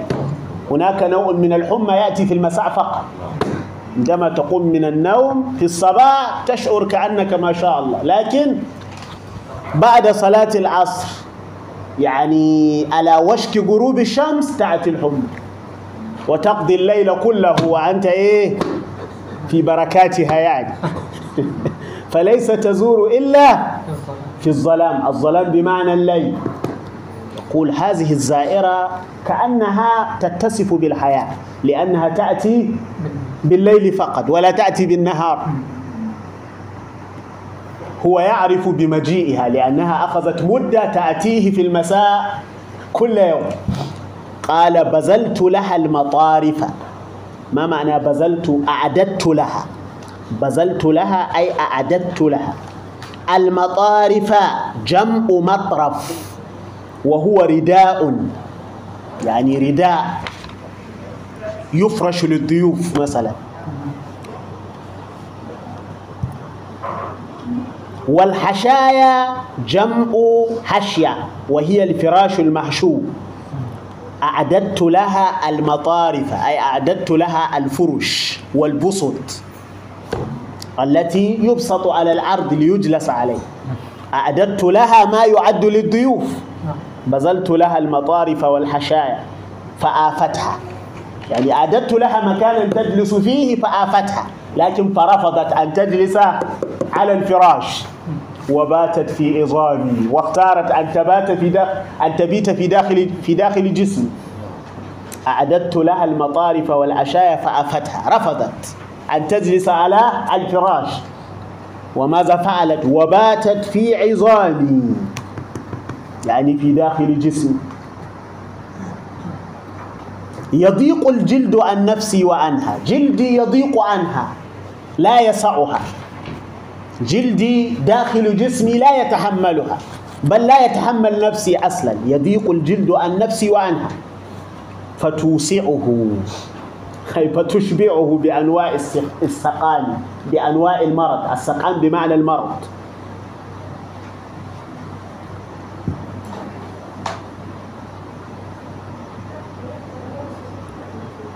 يعني جلدي يضيق عن أنفاسي ويضيق عنها. قال كأن الصبح يطردها لكن إذا قرب الصبح أو إذا طلع الفجر خلاص تنصرف الزائرة. كأن الصبح كأن الفجر يطردها يطرد الزائرة. فتجري مدامئها. فتجري مدامئها. في ذلك الوقت تمشي ويجري دموع وتجري دموعها بأربعة سجان. بأربعة سجان. يعني السجام كأنه بمعنى الأدل جمع دلو أو الأواني بأربعة سجان بأربعة أواني يعني. أراقب وقتها أنتظر وقت رجوعها من غير شوق من غير شوق هذا يشبه حال السجين في السجن يعني مسجون وهناك وقت محدد في كل يوم يأخذ يعني إيه عددا من الضربات. فهو يعرف وقت الضرب. وينتظر هذا الوقت لكن دون شوق. أراقب وقتها. أنتظر وقتها من غير شوق دون أن أكون مشتاقا إليه مراقبة المشوق المستحال أراقبها مراقبة المشوق. يعني المراقبة التي تكون في المحبوب المستهام. المستهام أيضا المشوق بمعنى المحبوب والمستهان أيضا بمعنى المحبوب. ويصدق وعدها. يعني تأتي كل يوم في المساء دون تخلف. يصدق وعدها. والصدق شر. الصدق شر إذا ألقاك في الكرب إذا رماك في الكرب. الكرب جمع كربة في الحمل العظام جمع عظيم. كل وعد يجعلك في هم فهو شر. ويصدق وعدها والصدق شر إذا ألقاك في الكرب العظام. أبنت الدهر الهمزة هنا للنداء. أبنت الدهر أي يا بنت الدهر. يا بنت الدهر. مثله أفاطم مهلا بعد هذا التدلل؟ أي يا فاطم أسرب القطا هل من يعير جناحه؟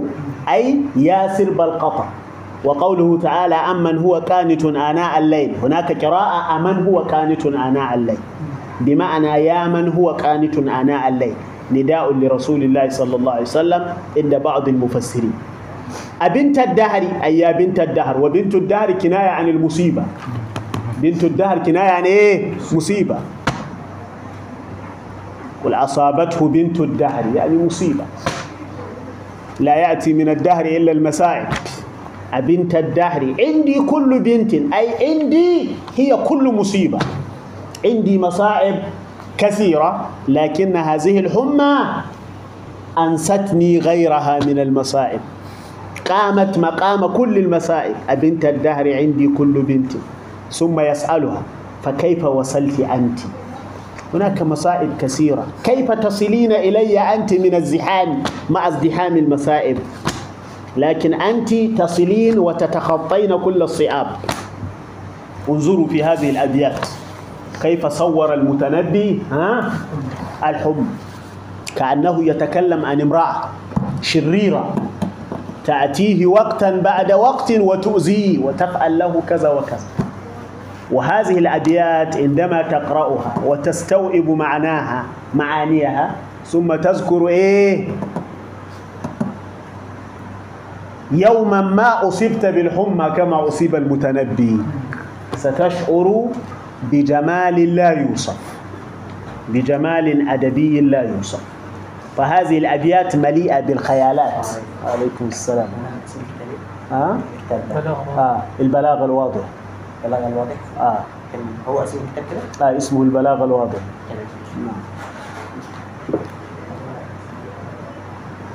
هذه الأبيات مليئة بإيه؟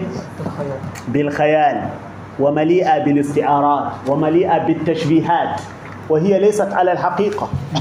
كلها على المجاز. نعم. يعني الشاعر يريد أن يجعلك مثله. الآن إذا استوعبت هذه الأبيات تشعر كأنك إيه؟ تشاهد الحمى وتعاني منها. وتشعر ما يشعر به الشاعر وتشفق عليه. والغيوم لا يراها ابن الخياط مثال آخر. كما يراها العالم بخارا متراكما. الغيوم بمعنى السحاب السهب التي ينزل منها المطر. والغيوم لا يراها ابن الخياط وهو شاعر متأخر عاش في القرن السادس الهجري بين القرن الخامس والسادس. لا يراها ابن الخياط كما يراها العالم بخارا دخانا متراكما يحول إلى ماء. يعني العلماء يذكرون ويقررون أن المطر يأتي من دخان متراكم. يحول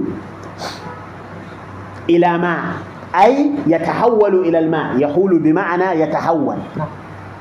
يحول بمعنى حال بمعنى تغير. يحول بمعنى يتغير إلى ماء. إذا صادف في الجو طبقة باردة. ولكنه أي ولكن ابن الخياط يراها. يرى ماذا؟ كأن يقول كأن الغيوم جيوش تصوم من العدل في كل أرض صلاحا إذا قاتل المحل فيها الغمام بصوب الرهان أجاد الكفاح يقرص بالطل فيه السهام ويشرئ بالوبل فيه الرماح وسل عليه سيوف البروق فأثخن بالضرب فيه الجراحة ترى ألسن النور تثني عليه فتعجب منهن خرسا فصاحا هذه البيات أبيات أقل جمالا من أبيات المتنبي. أليس كذلك؟ كأن الغيوم أي كأن السحاب جيوش جنود. تصوم صلاحا. ما معنى تصوم تزيق تزيق أو تعطي. أو تنشر. تصوم صلاحا أي تنشر صلاحا. ومنه في القرآن الكريم يصومونكم سوء العذاب. بمعنى يزيقونكم سوء العذاب. كأن الغيوم جيوش أي جنود. تصوم صلاحا أي تنشر صلاحا. هذا أقرب إلى السياق. من العدل في كل أرض الصهب. تنشر الصلاح في الأرض. لأن الأرض لا تصلح إلا بالمطر. تصوم من العدل في كل أرض صلاحا. هل فهمنا معنى البيت؟ ليس في البيت كلمة غريبة تقريبا إلا تصوم. بالسين بمعنى تزيق. ثم الغيوب قد مر بنا قبل قليل بمعنى السهم. إذا قاتل المحل فيها الغمام إذا قاتل الغمام. الغمام السحابة الماطرة. الغمام. بمعنى السحابة التي نزل منها المطر. السحابة بالسين وليس بالصاد. إذا قاتل الغمام فيها المحل. ما معنى المحل؟ الجدب. المحل والجدب بمعنى واحد. الجدب يعني عدم وجود المطر. إذا قاتل المحل فيها الغمام بصوب الرهام. بصوب بصاد. ما معنى الصوب؟ المطر. بصوب الرهام أي بمطر الرهام. والرهام جمع رحمة. أو رحمة بضم الراء وسكون الهاء وهي المطر الضعيف. الرهام يعني الأمطار الضعيفة الخفيفة. بصوب الرهام أجاد الكفاح. إذا قاتل الغمام الجدبة أجاد الكفاح أي أجاد القتال. أجاد الحرب أجاد المواجهة. الكفاح بمعنى القتال والمدافع. كافح يكافح كفاحا ومكافحة. بمعنى قاتل يقاتل قتالا ومقاتلة. يقرطس يقرطس بالطل فيه السهام. يقرطس السهام أي يرمي السهام. يقرطس بمعنى يرمي. ويصيب الغرض. والسهام جمع سهم. بالطل والطل بمعنى القطرة. القطرة من المطر. وكلمة قرآنية. فإن لم يصبها وابل فطل. ما معنى طل؟ آه القطرة من المطر. بالطل يقرطس بالطل فيه السحاب ويشرئ بالوبل والبل والوبل المطر الكثير. ويقال الوابل. الوابل والوبل بمعنى واحد. وعليه فإن لم يصبها وابل إن لم ينزل عليها مطر كثير فطل يعني قطرة.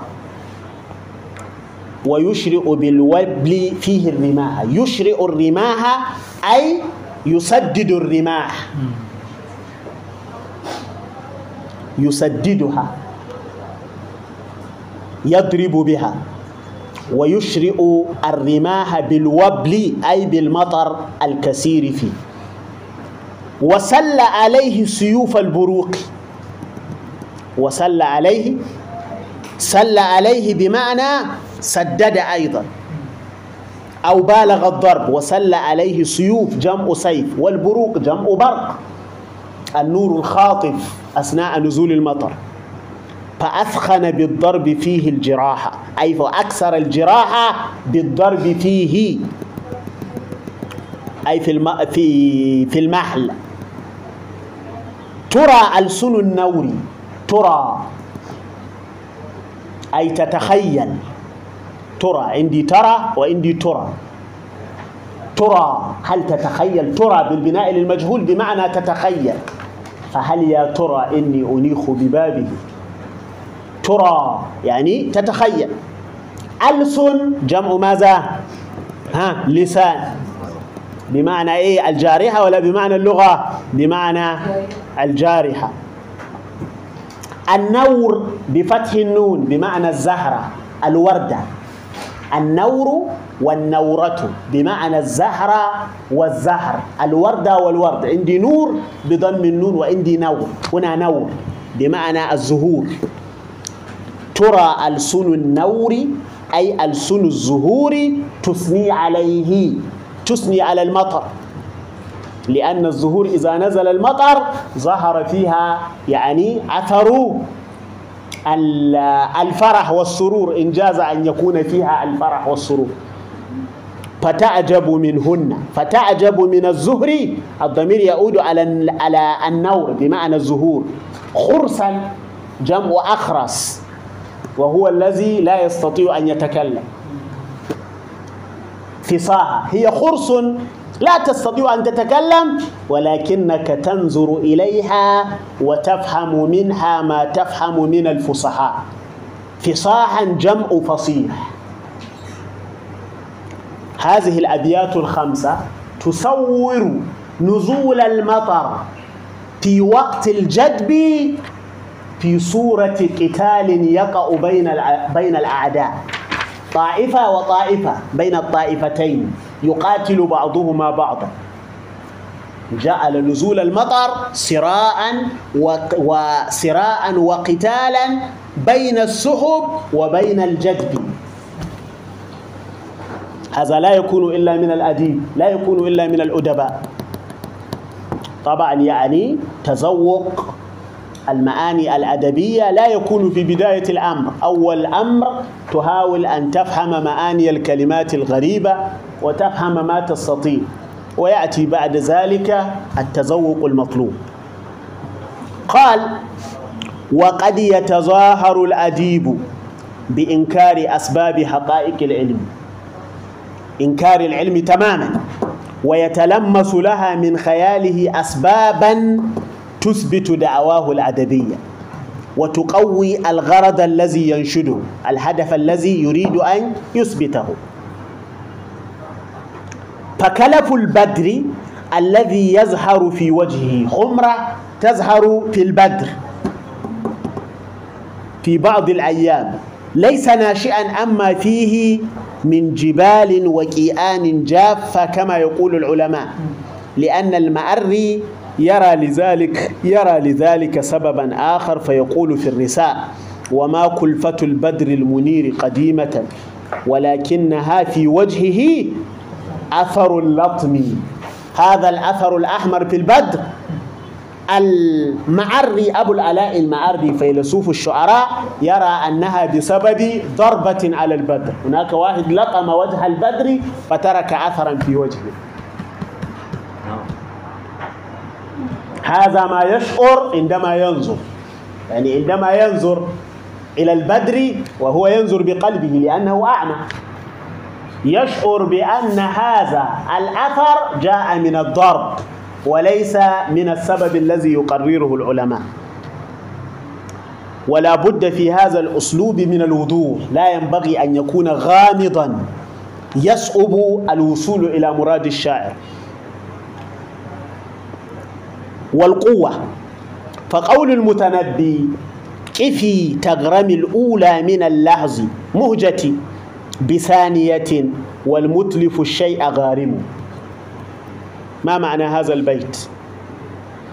يعني المتنبي نظر إلى امرأة فأحبها بهذه النظرة وابتقد عقله ثم هي انصرفت. وخاطبها وقال لها انتظري حتى تردي إلي عقلي. كفي تغرم الأولى من اللحظ مهجتي؟ بثانية آه تغرمي تغرم بمعنى تدفئي الغرام. تغرم بمعنى تدفع الغرام. من اللحظ أي من النظر. مهجتي المهجة بمعنى القلب. المهجة والقلب بمعنى واحد.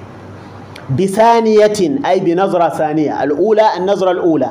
على حسب موصوف. بثانية أي النظرة الثانية. والمتلف الشيء.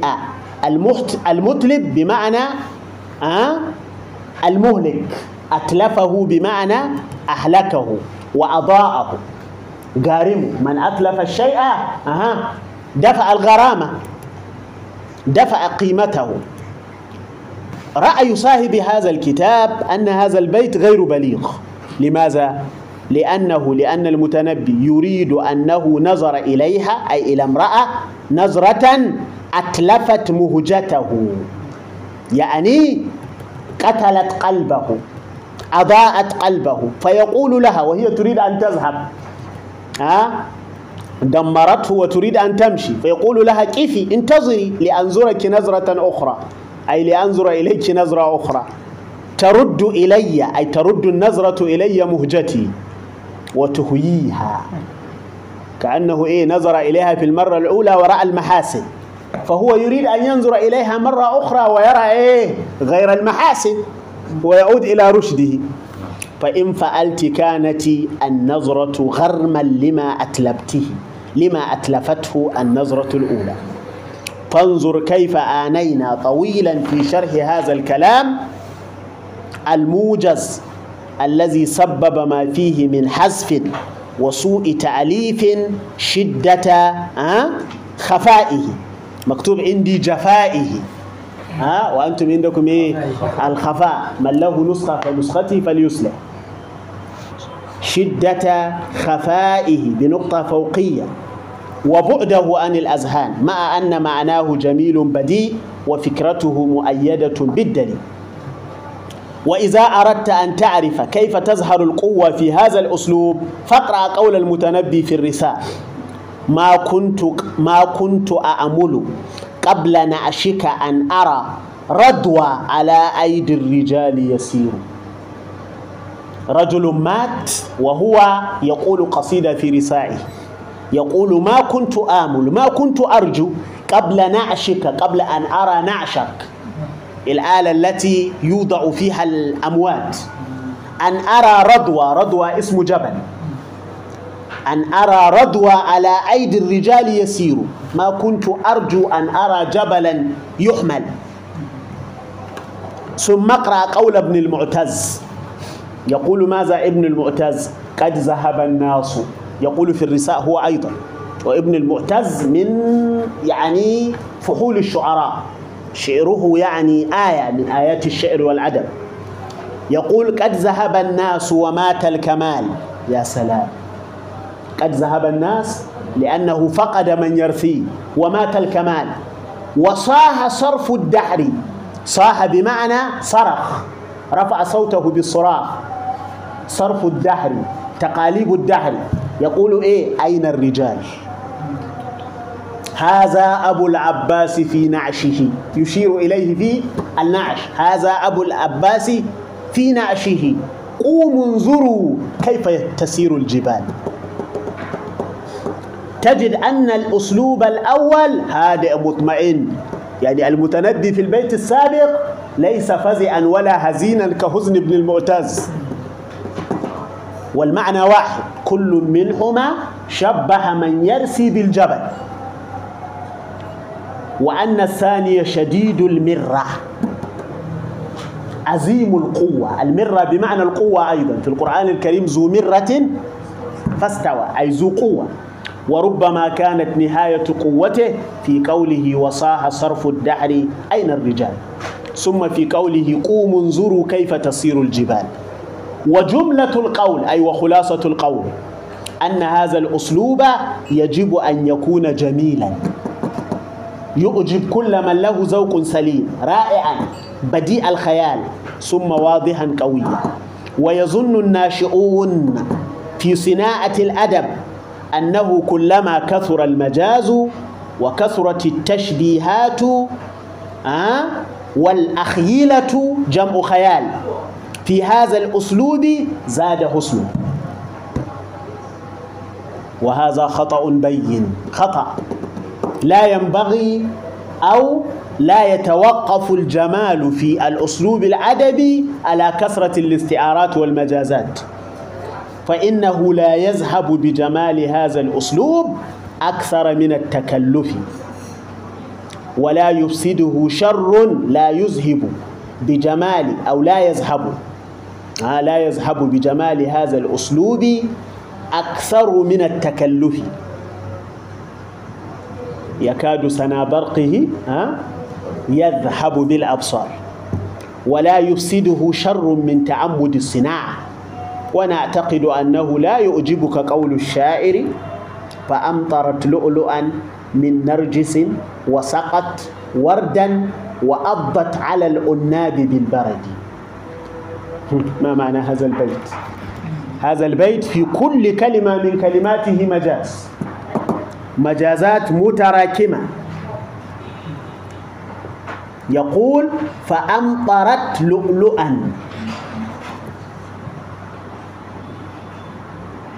فأمطرت لؤلؤا. ما معنى أمطرت لؤلؤا؟ أي فأراقت دموعا.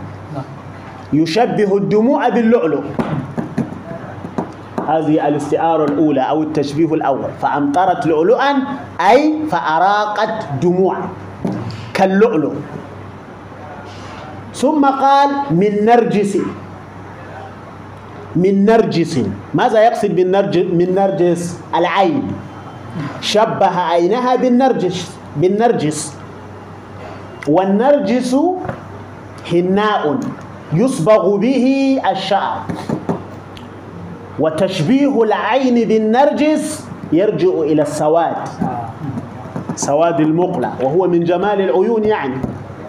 فأمطرت لؤلؤا من نرجس أي أسالت دموعا من عين كالنرجس في السواد. ثم قال وسقت وردا. ماذا يقصد بالورد؟ الخد. يشبه خدها بالورد. وسقت وج وسقت خدا كالورد. وسقت ودا وسقت خدا كالورد. ثم قال وعضت على الأناب. وعضت على الأناب. عضاء عضوا عليها بالنواجز يوم يعض الظالم على يديه. وعضت على العناب. ماذا يقصد بالعناب؟ الشفتين. يشبه شفتيها بالعناب. والعناب شيء يضرب به المثل في الحمرة. يصنع منه العصائر؟ يعني كالكركديه مثلا. العناب الشيء البالغ الحمرة. إذا هو يصف شفتيها بإيه؟ ويشبهه بالعناب في الحمرة وعضت على العناب. ثم قال بالبرد. ماذا يقصد بالبرد؟ بالأسنان. شبه أسنانها بالبرد. والبرد يعني كالثلج. والثلج غاية في البياض. يعني يصف أسنانها بالبياض. والأسنان تشبه تشبه ماذا؟ تشبه الثلوج في البياض. فهذا البيت كله مجاز في مجاز مجاز في كل كلمة. ولذلك يرى مؤلف الكتاب أنه ليس جيدا هو لا يحب هذه المبالغة. هذا ومن السهل عليك أن تعرف أن الشعر والنثر الفني هما موطنا هذا الأسلوب. ففيه ما يزدهر وفيه ما يبلغ قنة الفن والجمال. قنة ها قنة عندك قنة ولا قمة؟ قنة أها بمعنى قمة. القنة بمعنى الجبل العالي زراقنن ماء ماء يطاولها الحدب. من أبيات حفظناها صغارا. تخليص الوسائل المتقبلة. زرا قنن. القنن جم والمفرد قنة الجبل هناك الطويل وهناك غير غير الطويل. الطويل يسمى القنة قنة الفن أي ذروة الفن والجمال. هذا ما يتعلق بأسلوب بالأسلوب الأدبي وهو أسلوب الأشعار الأدبية والنصوص الأدبية. وكان بودي أن ننتهي من الأساليب اليوم ونأخذ التشبيه أيضا الدرس الأول بالتشبيه. لكن إن شاء الله في الدرس القادم نتكلم عن الأسلوب الخطابي وهو النوع الثالث من أنواع الأساليب. ثم ندخل في الباب الأول من أبواب البلاغة على ترتيب هذا الكتاب وهو علم البيان. في درسه الأول وهو التشبيه. من له أي سؤال فليتفضل. اليوم 12 ولا 11 اسألوا بالسرعة آه سل عليه بمعنى ضربه. سل السيف بمعنى أخرج السيف من جمده وضرب به. سل عليه سيوف البروق. أي أخرج السيوف من أغمادها ليضرب بها. سل السيف بمعنى أخرجه من غمده. سل يسل نعم. أثر لكم أثر اللطم الأثر الأثر معروف. يعني عندما أضرب شيئا فقد أترك فيه الأثر. العلامة الأثر بمعنى العلامة واللطم الضرب على الوجه. الضرب على الوجه. أثر اللطم أها أثر الضرب على الوجه. سيوف جمع سيف. والبروق جمع برق. تعرفين البرق؟ البرق النور الخاطف. النور الذي يخطف البصر وقت نزول المطر.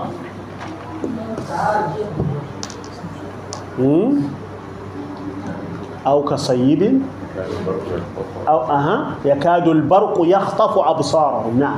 النور الخاطف في في الغيوم وال- والسحب فأسخن أسخن.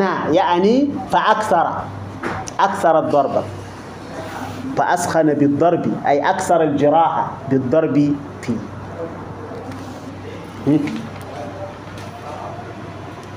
وصلى الله على النبي الكريم. يحتمل أن يكون الحمر هو الذي لطم نفسه. رساء على هذا خيال كاذب. محفوظ. والشعر يغني عن صدقه كذبه والشعر يغني عن صدقه كذبه بسم الله الرحمن الرحيم. الحمد لله. والصلاة والسلام على رسول الله وعلى آله وصحبه ومن والاه. وبعد ففي قراءة كتاب البلاغة الواضحة. كنا نتكلم في الدرس السابق عن الفصاحة فصاحة الكلمة وفصاحة الكلام. وعرفنا أن فصاحة الكلمة عبارة عن سلامتها من عيوب محددة وهي تنافر الحروف ومخالفة وضع العرب والغرابة. وعلامة الكلمة الفصيحة أن تكون كثيرة الاستعمال في نصوص الأدباء والبلغاء. لا سيما في القرآن الكريم. كل كلمة كثر ورودها في القرآن الكريم فهذه الكثرة تدل على فصاحتها. ثم بدأنا نتكلم في فصاحة الكلام.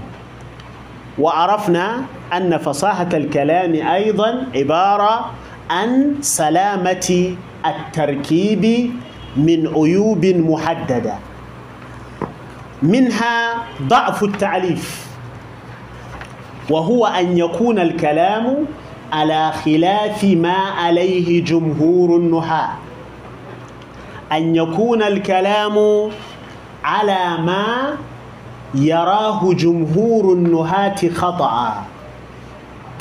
ما يراه جمهور النهاة خطأ. ومثل صاحب الكتاب لذلك بعود الضمير على المتأخر في اللبز والرتبة في قول الشاعر ولو أن مجدا أخلد الدهر واحدا من الناس أبقى مجده الدهر مطعما. ونستكمل الكلام فيما يتعلق بفصاحة الكلام.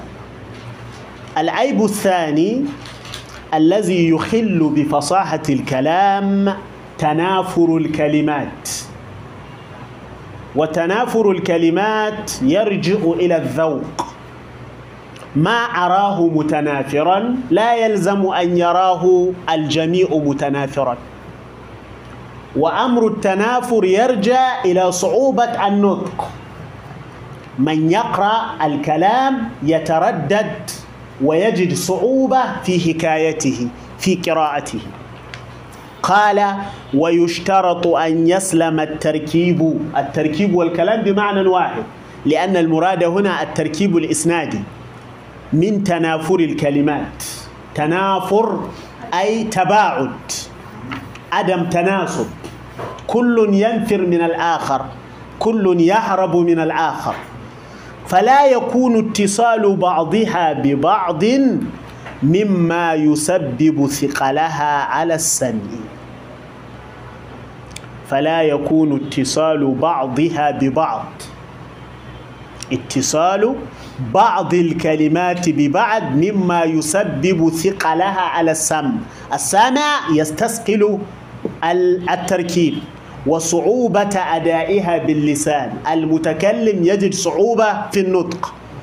ومثاله قول الشاعر وهو مما ينسب إلى الجن. عندنا في ثقافة العرب أبيات تنسب إلى الجن. يعني الراوي كما يزعم سمع أبياتا تنشد ولا يعرف من ينشدها. فيحكي ذلك وينسب إلى الجن والجن في أصل اللغة الخفي ما لا يرى. يعني لو سمعت صوتا الآن من هذه القاءة ولا أعرف من يتكلم بها يمكن أن أقول هو جن وهو إنسان يعني. لكنني لكنه اختفى علي فهو جن بدلالة اللغة جني بدلالة اللغة. يعني رجل اسمه حرب مات في الصحراء ولا يعرف قبره فجاء أقاربه يبحثون عنه ولا يعرفون فسمعوا صوتا يقول وقبر حرب بمكان قفر وليس قرب قبر حرب قبر. وقبر حرب بمكان قفر أو بمكان قفر روايتان. وقبر حرب بمكان كفر. قبر حرب قفر القفر بمعنى الخالي. يعني القفر بمعنى المكان الخرب غير المعمور. الذي لا يسكنه إلا الدواب والطيور والحشرات وقبر حرب مبتدأ. قبر مضاف حرب مضاف إليه. أين خبر المبتدأ؟ قفر. قفر بمكان في مكان. والرواية الثانية بمكان كفر كفر نعت لمكان. وليس قرب قبر حرب قبر.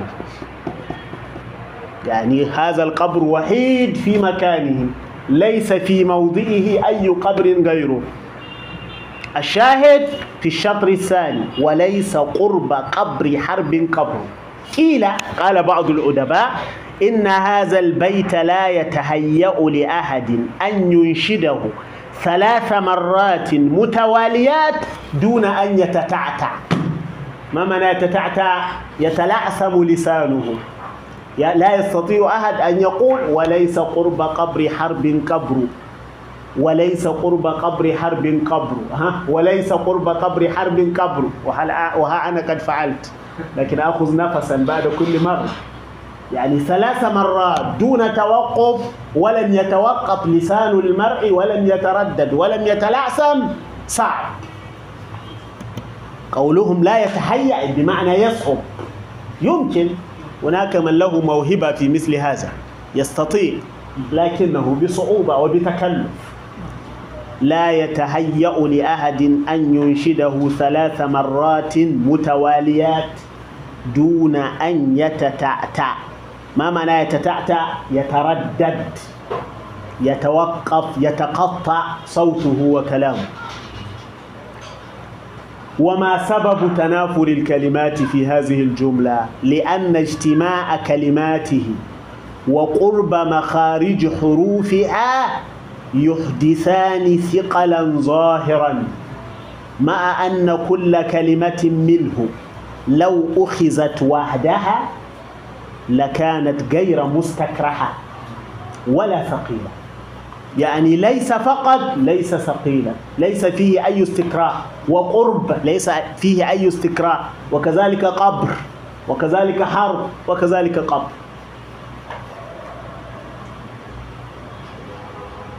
هذا ما يسمى بتنافر الكلمات وهو يعرف بالذوق كما قلت. وعلامته صعوبة النطق واستثقال السمع له. إذا كان السامع يستثقل سماعه والمتكلم يجد صعوبة في النطق به فهو متنافر العيب الثالث ويجب أن يسلم التركيب أي التركيب الإسنادي من التعقيد اللفظي. من التعقيد اللفظي. ما هو التعقيد اللفظي؟ وهو أن يكون الكلام خفي الضلال خفي الدلالة أي مبهم الدلالة. خفي الدلالة. على المعنى المراد. كل من يقرأه لا يفهم المقصود. إلا بصعوبة. جملة واحدة تقرأها عشر مرات حتى تفهم وربما لا تفهم. أن يكون الكلام خفي الدلالة على المعنى المراد. بسبب تأخير الكلمات أو تقديمها أو مواطنها الأصلية بسبب ترتيب أجزاء الجملة. كل جزء وضع في غير موضعه فصار الكلام مبحما غامضا بسبب هذه المخالفة في ترتيب أجزاء الجملة. ينقل المفعول إلى غير موضعه والفاعل إلى غير موضعه والمجرور إلى غير موضعه والمضاف وهكذا. فإذا قلت ما قرأ إلا واحدا ها مثال ما قرأ إلا واحدا محمد مع كتابا أخيه. هذه الجملة تقرأها مئة مرة قبل أن تفهم المراد. ما قرأ إلا واحدا محمد مع كتابا أخيه. ما معنى هذا الكلام؟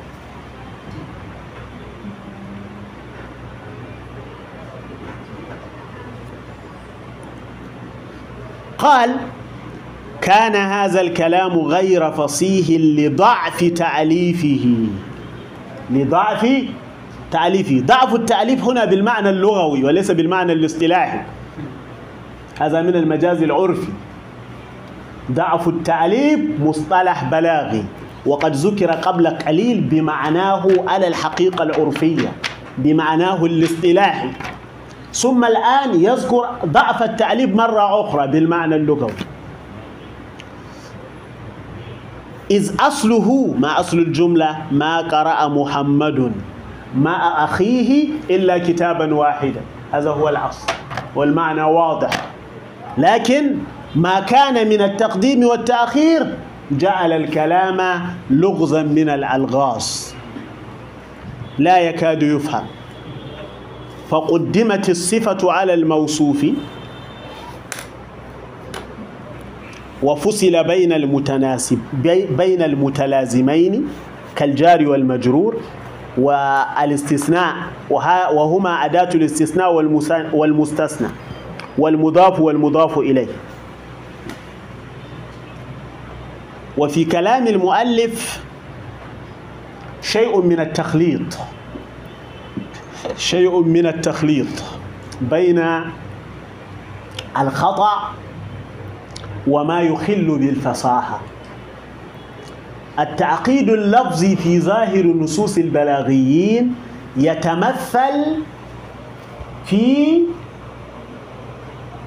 بناء الكلام على ما يجوز نحويا في بناء الكلام على ما يجوز إلا أن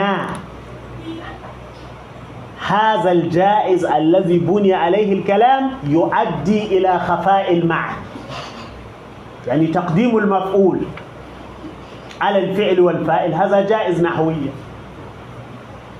تأخير الفاعل جائز نحويا.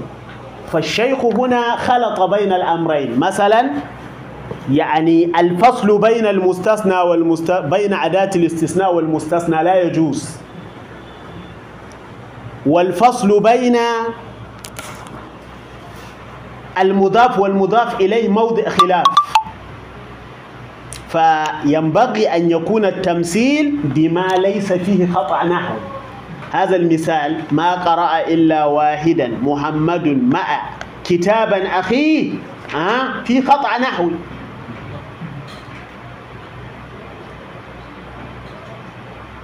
على الأقل في الفصل بين أداة الاستثناء والمستثنى. فالأقرب المثال الذي يذكره الآن.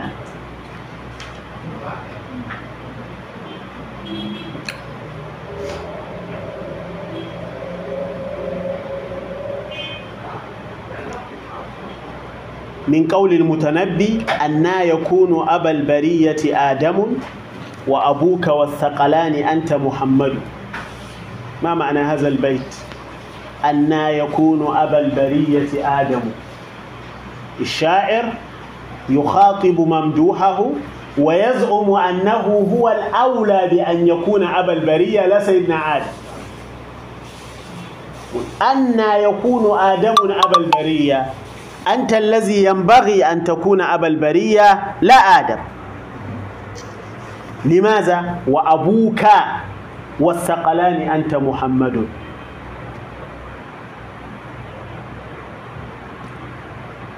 والوضع الصحيح الترتيب الصحيح لهذه الجملة أن يقول كيف يكون آدم أبا البرية وأبوك محمد وأنت الثقلان؟ أبوك محمد وأنت الثقلان. يعني أنه قد جمع ما في الخليقة من الفضل. والكمال. هو الثقلان. وأبوه محمد. يعني أنه قد جمع ما في الخليقة من الفضل والكمال فقد فصل بين المبتدأ والخبر وهما أبوك محمد. وهذا الفصل جائز. وقدم الخبر على المبتدأ تقديما قد يدعو إلى اللبس في قوله والثقلان أنت. على أنه بعد التأسف لم يسلم كلامه من سخف وحذر حذر بمعنى عبس كلام لا معنى له. سخف. كلام سخيف ضعيف. وأشهر من هذا البيت قول الشاعر وما مثله في الناس إلا مملكا أبو أمه حي أبوه يقارب. وما مثله في الناس إلا مملكا. أبو أمه حي أبوه يقارب. هذا البيت يذكر في كتب البلاغة مثالا على التعقيد اللفظي. ومعنى البيت ليس مثله في الناس حي يقاربه في الفضائل إلا مملكا أبو أمه أبوه. فقدم وأخر وفصل حتى كان البيت على غاية من الغموض والإبهام والتعقيد. هذا ما يتعلق بالتعقيد اللفظي. وما يتعلق بالتعقيد المعنوي يقول صاحب الكتاب ويجب أن يسلم التركيب من التعقيد المعنوي. ما هو التعقيد المعنوي؟ وهو أن يعمد المتكلم. يعمد بمعنى يميل يميل أمد؟ عمد يعمد بمعنى ما لا يميل أن يعمد المتكلم إلى التعبير عن معنى. فيستعمل فيه كلمات في غير معانيها الحقيقية. فيسيء اختيار الكلمات للمعنى الذي يريده. فيضطرب التعبير ويلتبس الأمر على السامع. يعني التعقيد المعنوي يدخل في المجاز. يدخل في ماذا؟ في المجاز. بأن يخطئ المتكلم في استعمال الكلمات في غير مواضعها بدعوى المجاز. مثال ذلك أن كلمة اللسان تطلق أحيانا ويراد بها اللغة. اللسان تستعمل بمعنى الجارحة ها وتستعمل بمعنى اللغة. قالوا إذا كان اللسان بمعنى اللغة فهو مؤنث لا غير وجمعه ألسن. وإذا كان بمعنى الجارحة فيجوز فيه التذكير والتعنيس ويجمع على ألسنة. عندي ألسنة وعندي ألسن. ألسن جمع للسان بمعنى اللغة وألسنة جمع للسان بمعنى الجارحة. قال تعالى وما أرسلنا من رسول إلا بلسان قومه. أي ناطقا بلغة قومه وهذه الآية دليل قوي يفيد أن اللغة العربية لغة الجميع لغة, الإنسانية كلها. لأن النبي صلى الله عليه وسلم مرسل إلى الناس كافة. وما أرسلناك إلا كافة للناس. وهذه الآية تقول وما أرسلنا من رسول إلا بلسان قومه. فقوم النبي صلى الله عليه وسلم الناس أجمعون. واللغة التي يتكلم بها رسول الله اللغة العربية. إذا العربية لغة جميع الناس. كل من تعلمها أتقنها وصار كواهد من أهلها. فهي اللغة الوحيدة التي تجد فيها كبار الأئمة. الذين يعتمد عليهم في معرفتها ليسوا من أبناء اللغة الأصليين تعلموها وصاروا أئمة فيها. وصار أبناء اللغة بأنفسهم يعتمدون عليهم في معرفة لغتهم. هذا لا يكون إلا في العربية. وهذا دليل على أن العربية لغة الإنسانية كلها. لغة الناس أجمعين. أي ناطقا بلغة قومه وهذا استعمال صحيح فصيح.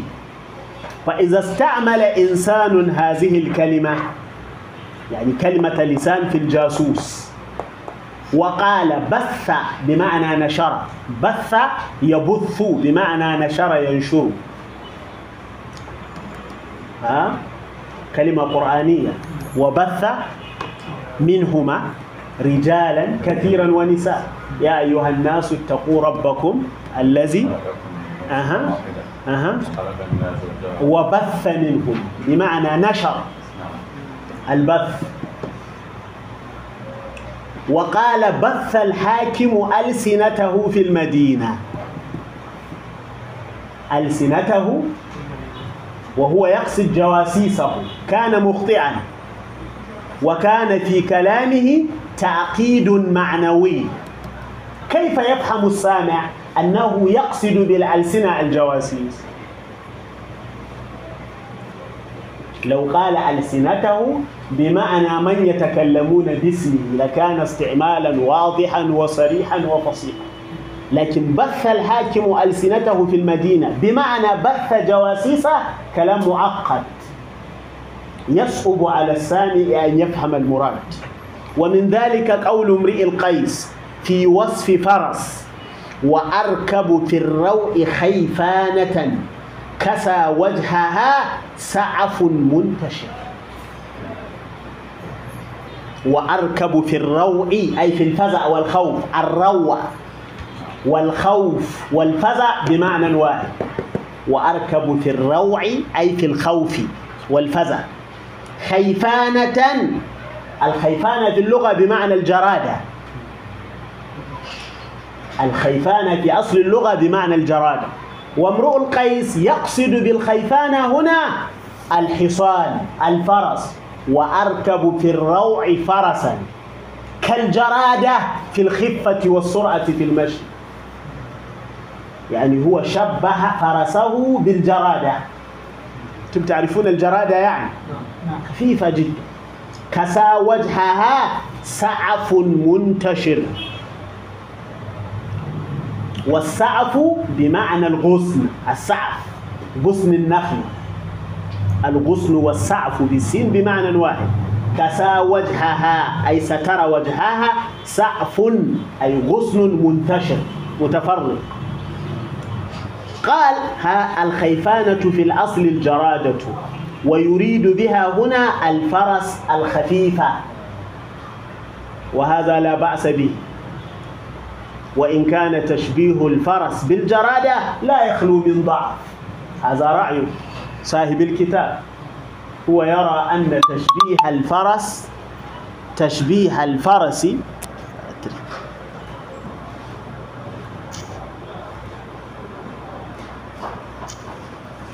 تشبيه الفرس بالجرادة ضعيف. ولكني لا أستبعده. يعني هو يشبه الفرس بالجرادة في الخفة وفي السرعة.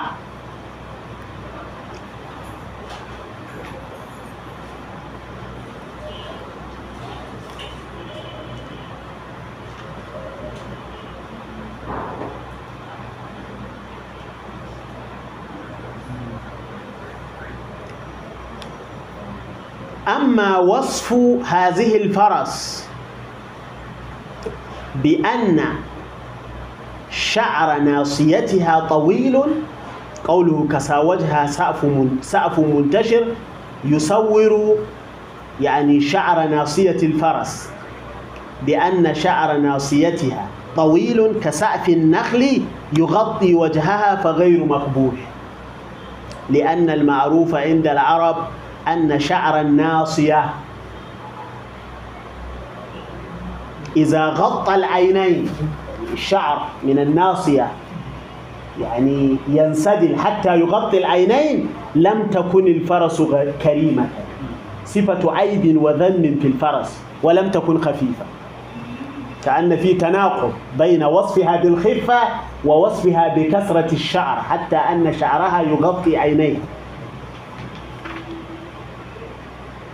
ومن التعقيد المعنوي قول أبي تمام. يقول ماذا؟ جذبت نداه. قدوة جذبت نداه. قدوة السبت جذبة. فخر صريعا بين أيدي القصائد. يا سلام. أنا أستغرب من مؤلف هذا الكتاب كيف استقبح هذا البيت. يتكلم عن ممدوه ويقول جذبت نداه. حاولت أن أمسك بكرمي الندى بمعنى الكرم. جذبت نداه. الندى بمعنى الكرم. جذبت نداه أي جذبت كرمه. قدوة السبت جذبة مفعول مطلق. فخر سريعا أي فسقط كرمه سريعا. بين أيدي القصائد. كأنه يصور أن مبارزة وقعت بين القصيدة وبين الكرم. وغلبت القصيدة الكرم. قال فإنه ما سكت حتى جعل كرم ممدوحه يخر سريعا وهذا من أقبه الكلام. أنا ألقت على هذا قلت هذا لا يلزم. فما هو إلا تصوير لسرعة تذوقه للشعر واستجابته لطلب الشاعر. الشاعر كتب قصيدة يستجدي بها الممدوح. ما إن بدأ في إنشاد القصيدة حتى يعني وصل إلى غايته وأعطاه الممدوح كل ما يريد. فهذا تصوير بديع. القبح المسائل الأدبية مسائل ذوقية. ما يراه أحد قبيحا قد تراه أنت إيه؟ حسنا جيدا. هذا ما يتعلق بالفصاحة. الفصاحة على ثلاثة أقسام كما قلنا في بداية الدرس. الدرس السابق. هناك فصاحة الكلمة وقد تكلمنا عنها. وهناك فصاحة الكلام وقد انتهينا منها الآن. ثم القسم الثالث فصاحة المتكلم. ما هي فصاحة المتكلم؟ قالوا ملكة. تعريف فصاحة المتكلم. هذا ليس موجودا في الكتاب. فليكتب من يريد أن يكتب. فصاحة المتكلم ملكة.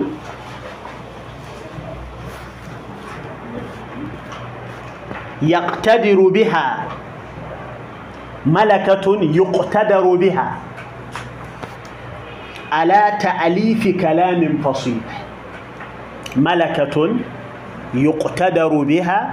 على تأليف كلام فصيح.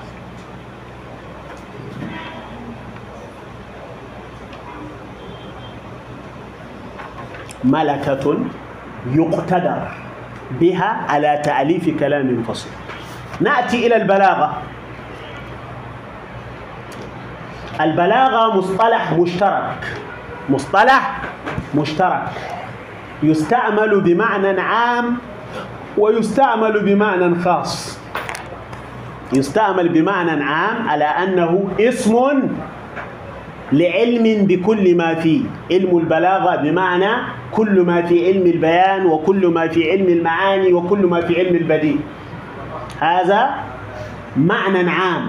مثل الإسلام يطلق على كل ما جاء به رسول الله صلى الله عليه وسلم. هذا معنى عام. إن الدين عند الله الإسلام. ويستعمل الإسلام بمعنى خاص. بمعنى مقام من مقامات الإسلام. كما هو في حديث جبريل.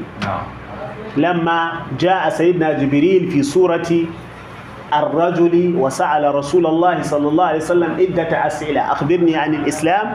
الإسلام أن تعبد الله الإسلام أن تشهد أن لا إله إلا الله وحده لا شريك له وأشهد أن محمدا رسول الله إلى آخر الحديث. أخبرني عن الإيمان. أخبرني عن الإحسان. أخبرني عن الساعة. الإسلام في الحديث بمعنى خاص. مقام من مقامات الإسلام بالمعنى العام وكذلك البلاغة. يستعمل اسما لهذا العلم بكل ما فيه. ويستعمل بمعنى خاص. وإذا كان بهذا المعنى الخاص فله قسمان. البلاغة بالمعنى الخاص تنقسم قسمين. القسم الأول أن تكون صفة للكلام. كلام بليغ. القسم الثاني أن تكون صفة لمن؟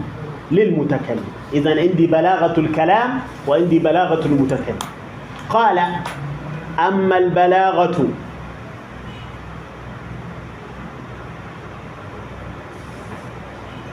فهي تأدية المعنى الجليل. واضحا بعبارة صحيحة. فصيحة لها في النفس أثر خلاب. خلاب بمعنى ساحر.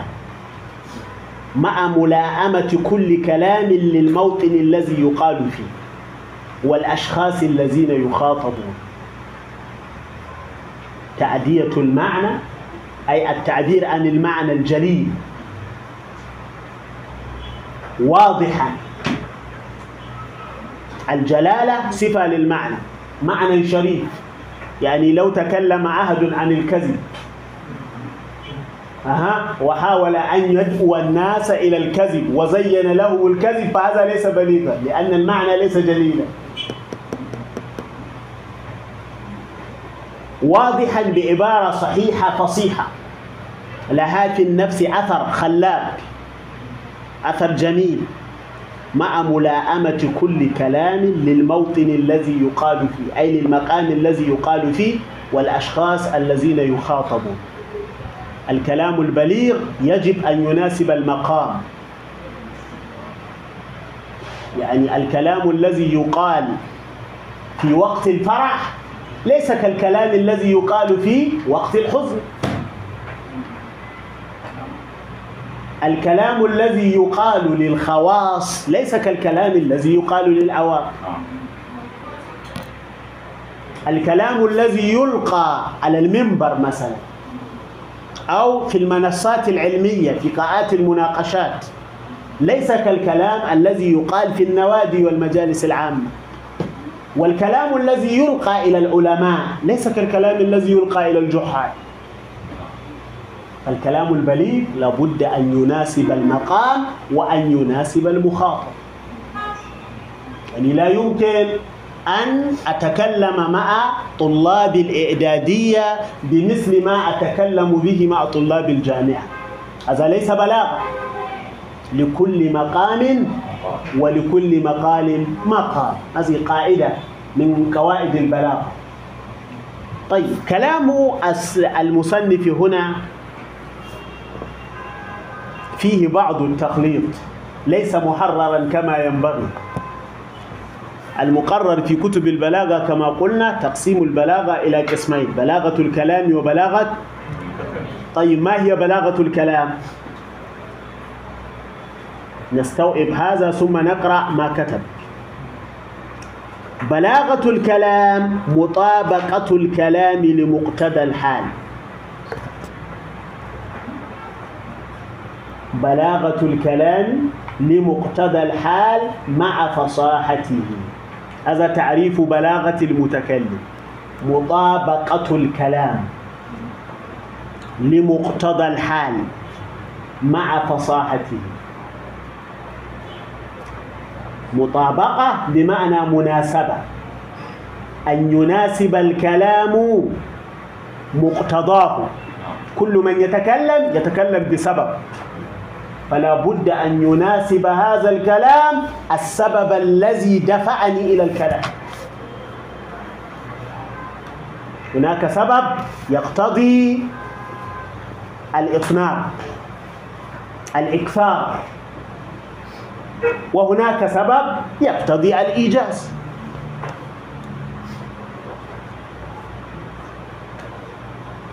مثلا إذا سئلت عن مسألة ما. فالدافع إلى الكلام السؤال. فلا بد أن يطابق كلامك هذا السبب. أن يكون الجواب مطابقا للسؤال. لكن أسألك عن شيء وتجيب عن شيء. هذه الإجابة لا تؤد بليغة مطابقة الكلام لمقتضى الحال. مقتضى الحال سبب الكلام ومقام الكلام والمخاطب الذي يوجه إليه الكلام. لابد أن يرائي المتكلم سبب الكلام ومقام الكلام وإيه؟ والمخاطب. فإذا فإذا طابق الكلام السبب والمقام والمخاطب فهو بليغ. تحقق فيه مطابقة الكلام لمقتضى الحال. مقتضى الحال له ثلاثة جوانب. الجانب الأول سبب الكلام. الجانب الثاني المقام مقام الكلام. يعني الكلام الذي يلقى هنا في المدرسة هل هو مثل الكلام الذي يلقى في البيت؟ لا. مقام. الكلام الذي يلقى في المسجد هل هو مثل الكلام الذي يلقى في المحاضرة في القاعة؟ حتى المقام يختلف. وهنا يعني كثيرا ما أقضي عجبا وأغضب قليلا عندما أستمع لخطبة الجمعة. يعني خطيب لا يفرق بين الدرس والخطبة.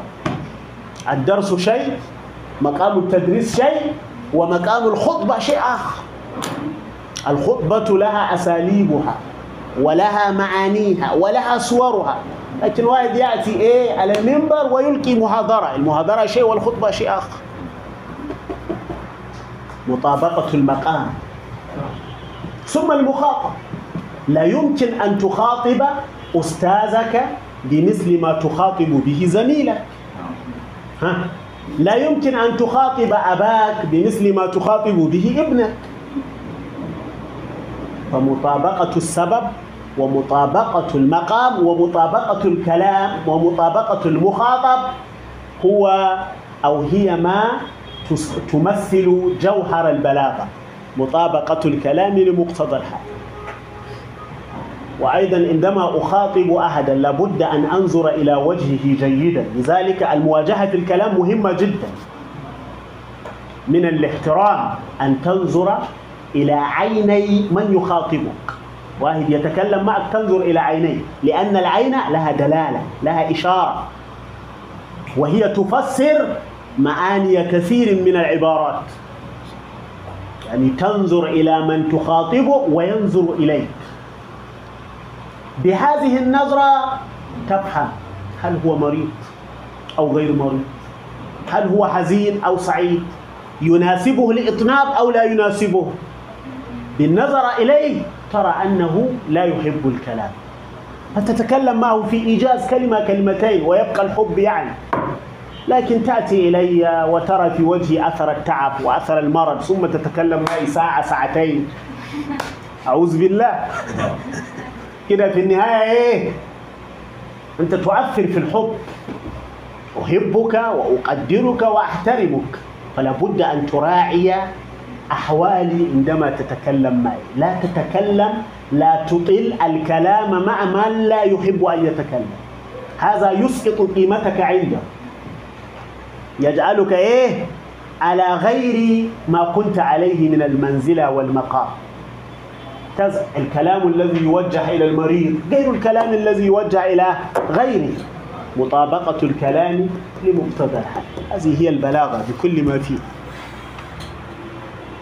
حتى النبي صلى الله عليه وسلم يروى أنه قال لسيدنا علي بن أبي طالب خاطب الناس على قدر عقوله على قدر عقوله من لا يفرق في كلامه بين عقول الناس فلا ينبغي أن يتكلم هو مجنون أصلا. لازم أن تراعي عقل المخاطب وتخاطبه على قدر عقله. نعم. ويشترط في الكلام البليغ أن يكون فصيحا. كل بليغ فصيح وليس كل فصيح.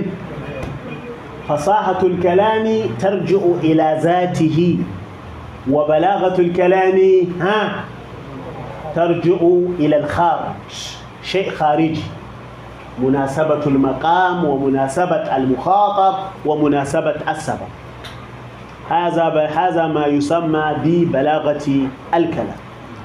وبلاغة المتكلم هذا القسم الثاني بلاغة المتكلم. ملكة يقتدر بها على تأليف كلام بليغ. هذا تعريف بلاغة المتكلم. إذا سئلت ما هي بلاغة المتكلم فالجواب إيه؟ ملكة يقتدر بها على تأليف كلام بليغ. وهذا للحفظ. تعريف فصاحة الكلمة للحفظ كما أمليت لكم. وتعريف فصاحة الكلام للحفظ أيضا. هو لم يذكر التعريف على ما ينبغي أن تكون حتى تحفظ. ولذلك أمليت لكم تعريف الك... فصاحة الكلمة وتعريف فصاحة الكلام وتعريف فصاحة المتكلم. والآن أمليت لكم تعريف بلاغة الكلام وتعريف بلاغة المتكلم.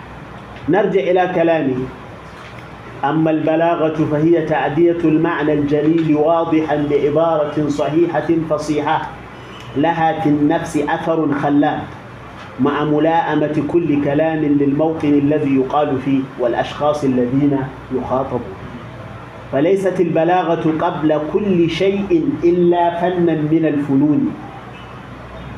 فن. الفرق بين الفن والعلم. تعرفون؟ هناك فن وهناك علم. كثيرا ما يفرق. يقال علم النحو ويقال فن البلاغة. العلم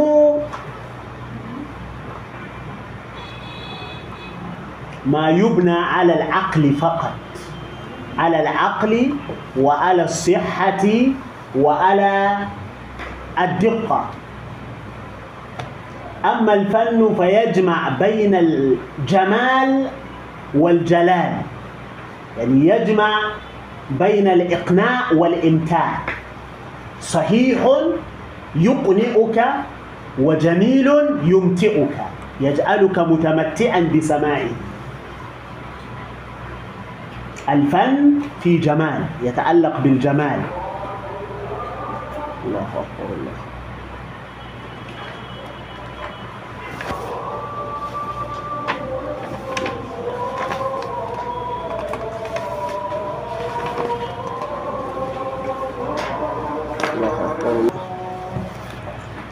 فليست البلاغة قبل كل شيء إلا فنا من الفنون يعتمد على صفاء الاستعداد الفطري ودقة على صفاء الاستعداد الفطري. الاستعداد الفطري أي الموهبة. صفاء الموهبة صفاء الذهن ودقة إدراك الجمال. هناك واحد يحب الجمال ويفقع في الجمال. واحد يعني بالعافية. وتبين أي التعرف تبين الفروق الخفية. هناك من يلحظ الفروق الخفية التي لا يلحظها كثير من الناس بين صنوف الأساليب وللمرانة أي التمرن التدرب. المرانة بمعنى التدرب الدربة.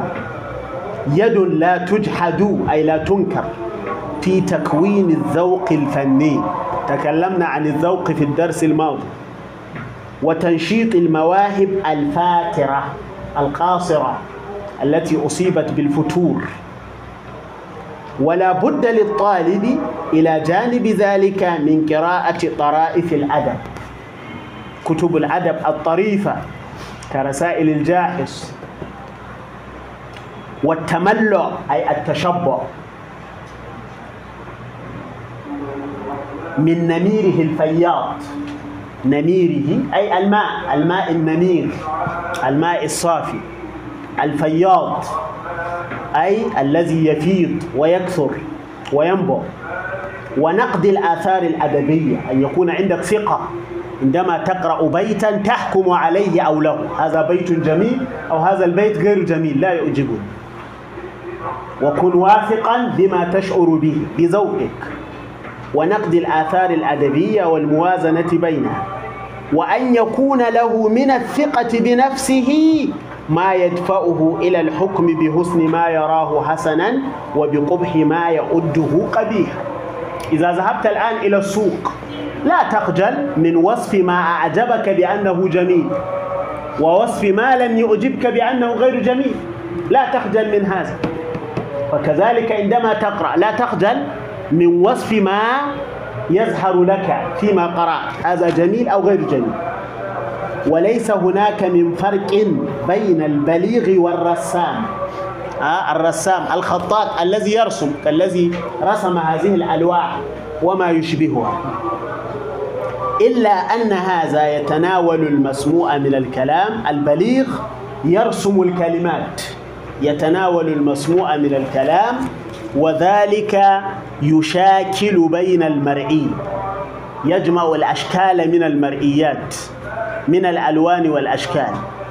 أما في غير ذلك فهما سواء فالرسام إذا هم برسم صورة فكر في الألوان الملائمة لها أي المناسبة. ثم في تعليف هذه الألوان بحيث تخت تختلب الأبصار. ما معنى تختلب؟ تسحر. بحيث تختلف الأبصار بحيث تسحر الأبصار وتثير الوجدان. الوجدان شعور داخلي. والبليغ إذا أراد أن ينشئ قصيدة أو مقالة أو خطبة فكر في أجزائها. ثم دعا إليه من الألفاظ والأساليب أخفها على السمع. أي التي سيستلذها السامع. وأكثرها اتصالا بموضوعه ثم أقواها أثرا في نفوس سامعيه وأرواءها جمالا. فعناصر البلاغة إذن العناصر الأشياء التي تكون البلاغة لفظ ومعنى وتعليف عندي لفظ وعندي معنى وعندي تعليف تعليف للألفاظ يمنعها قوة وتأثيرا وحسنا. ثم دقة في اختيار الكلمات والأساليب على حسب مواطن الكلام مواضع الكلام ومواقعه وموضوعاته. وحال السامعين والنزعة النفسية التي تتملكهم. يعني عندما تتكلم إلى الناس لابد أن تعرف ما يحبون أن يسمعوا. يعني لا تذهب إلى من يحبون أن يسمعوا الطرف والمضحكات وتتك... وتكلمهم بما يبكيهم تصفهم تذكر لهم أشياء تجعلهم يبكون. هذا لا يناسب حالهم. يعني في مجلس العزاء مات أحد والناس يتجمعون ويجلسون. لا ينبغي أن تأتي بالمضحكات في هذا المقام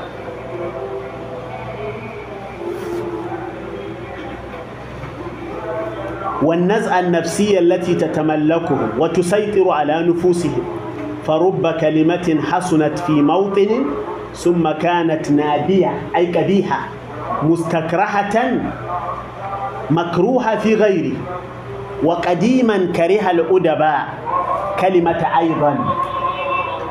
وعدوها من ألفاظ العلماء. هناك فرق بين الأدباء والعلماء. العلماء يحررون القواعد والمسائل. والأدباء ها هم الذين يهتمون بما يتعلق بالجمال ما يؤثر في المشاعر ما يؤثر في الوجدان. قالوا كلمة أيضا ترد كثيرا في نصوص العلماء والأدباء لا يستعملونها. فلم تجري بها أقلامهم في شعر أو نثر حتى ظهر بينهم أي بين الأدباء من قال. في وصف حمامة. قال رب ورقاء حتوف في الضحى. ذات شجر من يريد أن يكون بليغا وأن يحسن مستواه البلاغي مستواه اللغوي لابد أن يحفظ كل هذه الأشعار. كل ما نمر كل ما نمر به في الكتاب يجب أن يحفظ. هذه قاعدة لمن يريد أن يستفيد. الشاعر يقول رب ورقاء هتوف في الضحى ذات شجو صدحت في فنن ذكرت إلفا ودهرا سالفا فبكت حزنا فهاجت حزني فبكائي ربما أرقها وبكاها ربما أرقني ولقد تشكو فما أفهمها ولقد أشكو فما تفهمني. غير أني بالجواء أعرفها وهي أيضا بالجوى تعرفني يا سلام يا سلام. ما هذا الجمال؟ أتتذوقون الشعر؟ طيب نشرح الأبيات. رب ورقاء. ورقاء بمعنى الحمامة. رب حمامة. تعرفون الحمامة؟ أصفور. رب ورقاء حتوف أي كثيرة البكاء التي ترفع صوتها كثيرا. حتوف. في الضحى يعني في وقت الضحى. ذات شجو أي حزينة صاحبة حزن الشجو بمعنى الحزن. ذات شجو أي ذات حزن. صدحت رفعت صوتها غنت. في فنن أي في غصن الفنن والغصن بمعنى واحد. آه الغصن تعرفين الغصن غصن الشجرة. الشجرة لها أغصان. ها الغصن يسمى فنن. الفنن والغصن بمعنى واحد. رب حمامة حتوف قال حتوف ولم يقل حتوفة كما قرأنا آه آه في النحو. حتوفة حتوف فأول على وزن فأول بمعنى فاعل يستوي فيه المذكر والمؤنث. رب ورقاء حتوف. كثيرة الصوت كثيرة البكاء. في الضحى الضحى معروف وقت الضحى صلاة الضحى. ذات شجو صاحبة حزن. صدحت أي جنت. نعم. صدح يصدح. بمعنى غنى يغني نعم. أنشد ينشد. في فنن أي في غصن ولماذا صدحت؟ لماذا غنت؟ ذكرت إلفا. أي ذكرت حبيبا. الإلف بمعنى الحبيب وبمعنى الصديق. الإلف بمعنى الأليف. معلوف. صاحب. ألفته وألفك فصار أليفك وصرت أليفه. ثم ابتقدته. مات أو سافر وابتعد عنك. ذكرت إلفا أي ذكرت صاحبا وحبيبا ودهرا سالفا وزمنا ماضيا. والمرء دائما يتشوق إلى ما مضى يشتاق إلى ما مضى. ها؟ كل واحد عندما يفكر قليلا ويذكر أيام الصبا يعني يتمنى ليت هذه الأيام تعود. عندما كنت ابن سبع سنوات تتذكر أحداثا تجعلك تشتاق إليها. ذكرت إلفا ودهرا سالفا أي ماضيا فبكت حزنا. لما ذكرت الحبيب وذكرت الزمن الماضي بكت حزنا فبكت حزنا. وهو يسمعها وينظر إليها. لما سمع بكاءها فهاجت حزني فحركت حزني أنا أيضا. كانت تغني وهي فرحة ونشيطة فتذكرت زمنا ماضيا وحبيبا فبكت. وأنا لما سمعت بكاءها ها تذكرت أحزاني أنا أيضا. فهاجت هاج بمعنى حرك وأثار. فأثارت حزني. الحزن والحزن بمعنى واحد. الحزن والحزن بمعنى واحد. عندي في القرآن الكريم عندي حزن في القرآن. وحزن. آه؟ فالتقطه آل فرعون آه؟ ليكون لهم أيوة عدوا وحزنا. الحزن والحزن بمعنى واحد. وإن كان الحزن يستعمل بمعنى الجبل. يستعمل الحزن بمعنى الجبل لكنه هنا بمعنى الحزن.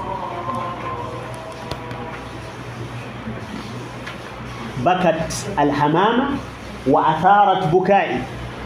فبكائي ربما أرقها أرقها بمعنى منعها من النوم. ربما تسمع لبكائي وبسبب بكائي لا تستطيع أن تنام. فبكائي ربما أرقها وبكاها ربما أرقني يا سلام. يا سلام. هل ينفع أن يقرأ طالب العلم هذه الأبيات ولا يحفظها؟ يبقى حمار. ها؟ حمار. فبكائي ربما أرقها وبكاها ربما أرقني ولقد تشكو تشكو مما هي فيه فما أفهمها. يعني بكاؤها شكوى. هو فسر بكاءها بأنه شكوى لكنه لا يفهم ما تقول. ولقد تشكو فما أفهمها. ولقد أشكو أنا أيضا فما تفهمون لكن غير أني بالجوى أعرفها. يعني غير أني أجزم بأنها في حالة الحزن بأنها حزينة الجوى بمعنى الحزن أيضا. غير أني بالجوى أعرفها. غير أني أعرفها بالحزن. الجوى اسم من أسماء الحزن. وهي الورقاء أيضا بالجوى تعرفني. أعرف أنها حزينة وتعرف أنني حزين. اشتركنا في صفة الحزن. وكل يرفه عن نفسه بالبكاء. إذا تأملنا هذه الأبيات الخمسة سنجد فيها كلمات غريبة ربما لا نعرفها سابقا. ومعانيها واضحة جدا وشريفة وجلية. ولا إيه؟ ولا غامضة. الشاهد في ذكر هذه الأبيات كلها استعمال كلمة أيضا. هي وقعت في موقعها. وهي أيضا بالجوى تعرفون فوضع أيضا في مكان لا يتطلب سواه. لا يمكن أن يستعمل غيرها ولا يتقبل غيرها. وكان لها من الروعة والحسن في نفس الأديب ما يعجز عنها البيان. وهذه الأبيات تفهمها وتتذوقها ها؟ عندما تذهب كده يعني إلى نزهة في حديقة غناء حزين تشعر بالعلم والكآبة في نفسك وتذهب إلى حديقة يعني. حديقة التي إيه؟ هي حديقة بالفعل وليس اسم بلا مسمى. فيها أشجار وأنهار وطيور وثمار. فعندما تذهب هناك وتقرأ هذه الأبيات تفهم حالة الشاعر. قال ورب كلام كان في نفسه حسنا خلابا حتى إذا جاء في غير مكانه وسقط في غير مسقطه خرج عن حد البلاغة.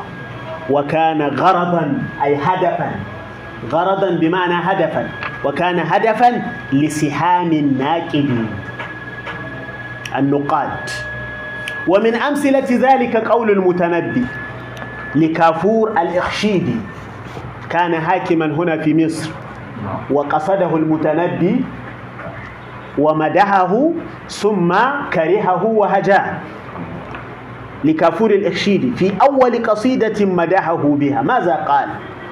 قال في مطلع القصيدة قصيدة جميلة من أجمل ما قال المتنبي كفى بك داء أن ترى الموت شافيا وحسب المنايا أن يكون أمانيا.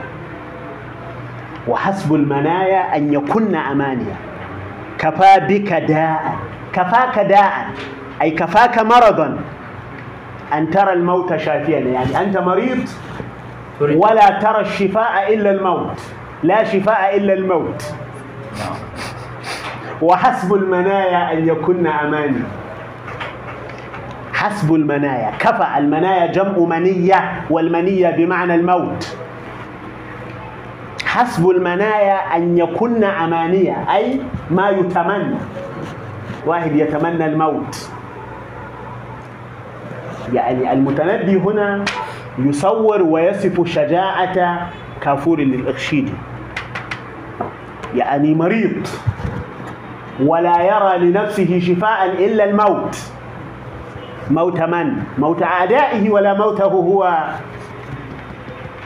وحسب المنايا أن يكون أماني البيت جميل وفيه جوانب نفسية تكلم عنها الأدباء كثيرا.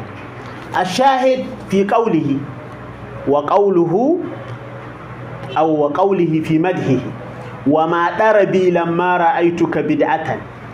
لقد كنت أرجو أن أراك فأطرب يعني رأى كافور الإخشيدي فقال وما طربي الطرب يستعمل بمعنى الضحك.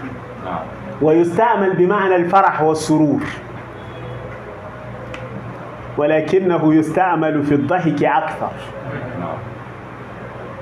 الرقص وما يشبه الرقص من شيء أزحلك وأخرجك يعني من ما ينبغي أن تكون عليه. وما طربي هو يوهمه بأن الطرب بمعنى السرور. وما سروري لما رأيتك بدعة. ما معنى بدعة؟ آه؟ أول مرة. أو يعني بدعة ليس لك سابق. لم يعرف في التاريخ مثلك في المجد والعظمة وما إلى ذلك. لقد كنت أرجو أن أراك فأطربه يعني هذا البيت يحتمل أن يكون بمعنى وما ضحكي لما رأيتك بدعة لقد كنت أرجو أن أراك فأضحك. قال الواحدي الواحدي علامة كبير. وهو معروف بالعدب كتبه يعني كلها في الأدب أو أكثرها في الأدب. له ثلاثة شروط على ديوان المتنبي. البسيط والوجيز والوسيط. قال الواحدي هذا البيت يشبه الاستهزاء. يعني كأن المتنبي يستهزئ من الكافور. فإنه يقول طربت عند رؤيتك كما يطرب الإنسان لرؤية المضحكات. قال ابن جني وابن جني علامة يعني في اللغة والنحو والأدب. له شرح على ديوان المتنبي. لما قرأت على أبي الطيب ابن جني كان صديقا للمتنبي. لما قرأت على أبي الطيب المتنبي هذا البيت قلت له ما زدت على أن جعلت, أن جعلت الرجل كردا. يعني كأنك تريد بهذا البيت أن تجعله كردا. فضحك المتنبي ولم ينكر. إذا هو يريد هذا المعنى. ونرى أن المتنبي كان يغلي صدره حقدا على كافور. يعني هو عبد وخسيس ثم صار حاكما كبيرا. يرى المتنبي أنه أولى بهذا المنصب منه. حتى في البيت في البيت السابق كفى بك داء أن ترى الموت شافيا كأنه يتمنى موته وهلاكه. ولكنه قال ذلك وأخذ المال. الرجل لم يفهم. فضحك. ونرى أن المتنبي كان يجلي صدره حقدا على كافور وعلى الأيام التي ألجأته إلى مدحه. أي اضطرته اضطرته إلى اضطرته إلى مدحه. فكانت تفر من لسانه كلمات لا يستطيع احتباسها. إمساكها يعني. وقديما زل الشعراء لمعنى أو كلمة نفرت سامعيه فأخرجت كلامهم عن حد البلاغة. فقد حكوا أن أبا النجم دخل على هشام بن عبد الملك مع خليفة من خلفاء بني أمية وأنشده قصيدة منها صفراء قد كادت ولما تفعل وكأنها في الأفق عين الأحول يصف الخمر صفراء قد كادت ولما تفعل وكأنها في الأفق عين الأحول الأحول من بعينه؟ حول وهو عيب في النظر. وكان هشام الممدوح أحول يعني هو يكتب القصيدة ولن يستحضر ولن يعرف أن الممدوح أحول فاستعمل كلمة أحول وهو في تشبيه ولما سمع الخليفة إذا يعني فهم أنه يحجوه ويشتمه فأمر بحبسه. بدلا من أن يأخذ الفلوس أها أخذ السجن. ومدح جرير عبد الملك بن مروان بقصيدة مطلعها. أتصحو أم فؤادك غير صاح تصحو الصحو لمن شرب الخمر أو لمن اتصف بالغفلة ثم تيقظ أو ثم استيقظ. أتصحو أم فؤادك غير صاحب؟ فاستنكر عبد الملك هذا الابتداء وقال له بل فؤادك أنت. فؤادك وليس فؤادي. مع أن الشاعر جرير لا يقصده. الشاعر في مطلع القصيدة يخاطب نفسه بنفسه. يجرد من نفسه شخصا يخاطبه. وهو لا يقصد بحال من الأحوال الممدوح إلا أن الممدوح فهم أنه يخاطبه. ونأى علماء الأدب على البختري أن يبدأ قصيدة ينشدها أمام ممدوحه بقوله آه لك الويل من ليل تقاصر آخره. وهو يخاطب نفسه يقول لك الويل. يقال لما أنشد البيت قال له الممدوح بل لك الويل. بل لك الويل والخزي. وقال لك الويل فرد عليه بل لك الويل والخزي. مع أنه يخاطب نفسه ولا يقصده. فهو استعمل الكلمة في غير موضعها. وعابوا على المتنبي قوله في رثاء أم سيف الدولة. صلاة الله خالقنا حنوط على الوجه المكفن بالجمال. صلاة الله أي رحمة الله خالقنا. حنوط حنوط طيب. عطر يستعمل في يعني في الأموات. يؤطر به الأموات.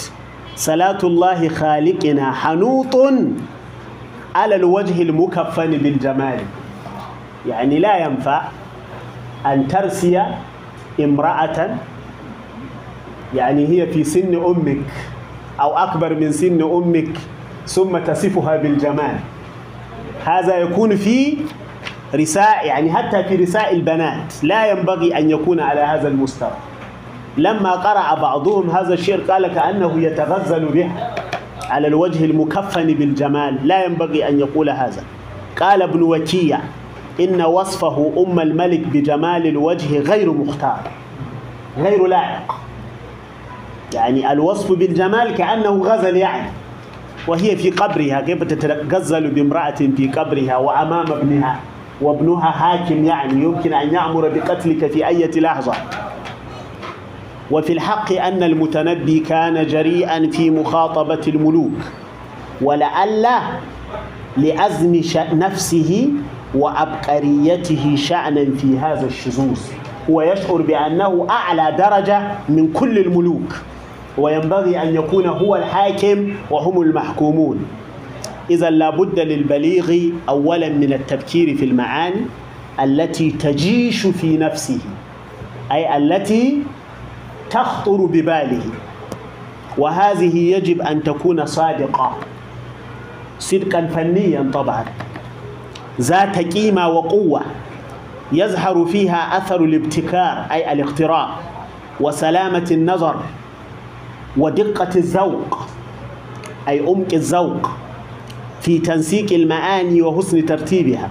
فإذا تم له ذلك عمد إلى الألفاظ الواضحة المؤثرة الملائمة فألف بينها تأليفا يكسبها جمالا وقوة فالبلاغة ليست في اللفظ وحده وليست في المعنى وحده ولكنه أثر لازم لسلامة تأليف هذين وحسن انسجامهما أي حسن تناسبهما ونكتفي بهذا القدر. كان بودي اليوم أن ننتهي من المقدمة حتى يكون في الدرس القادم الباب الأول من أبواب علم البيان. ولكن الوقت لا يتسع لذلك. في الدرس القادم نكمل المقدمة ثم ندخل في الباب الأول إن شاء الله.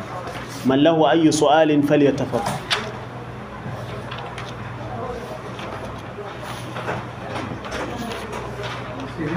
نعم. نعم. يقولون في بعض المقام يطلق الكلمات الغريبة. مثلا يعني يقولون في الأمير مثلا يحب ويتبصر عندما يسمع الغريب، نعم. إذا هنا تأتي بالغريب لمناسبة لمطابقة المقام. ما هو معيار؟ أصلا معيار غامض معيار وقد حقق وقرر العلامة عبد المتعالي السعيدي في كتابه البلاغة العالية أنها ليست عيبا. العيب في أن يكون الغريب غير مناسب للمقام. إذا ناسب المقام فلا عيب فيه. وليس عيبا على الإطلاق. نعم. سؤال آخر. اسأل يا أبا محمد. متأكد؟ ها؟ أيوه. لم يسلم يسلم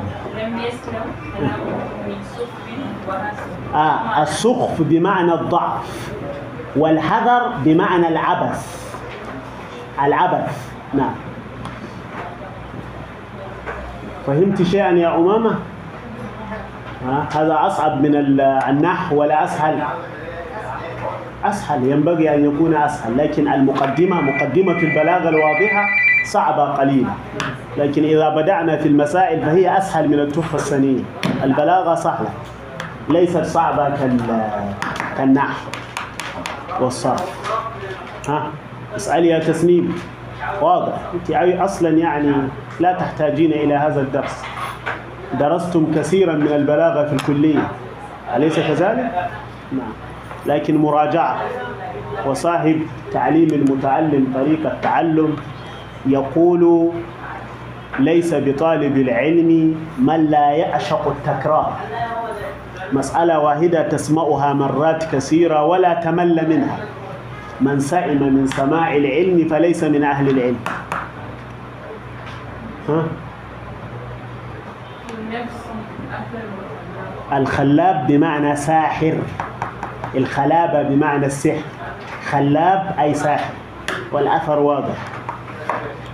وصلى الله على النبي الكريم.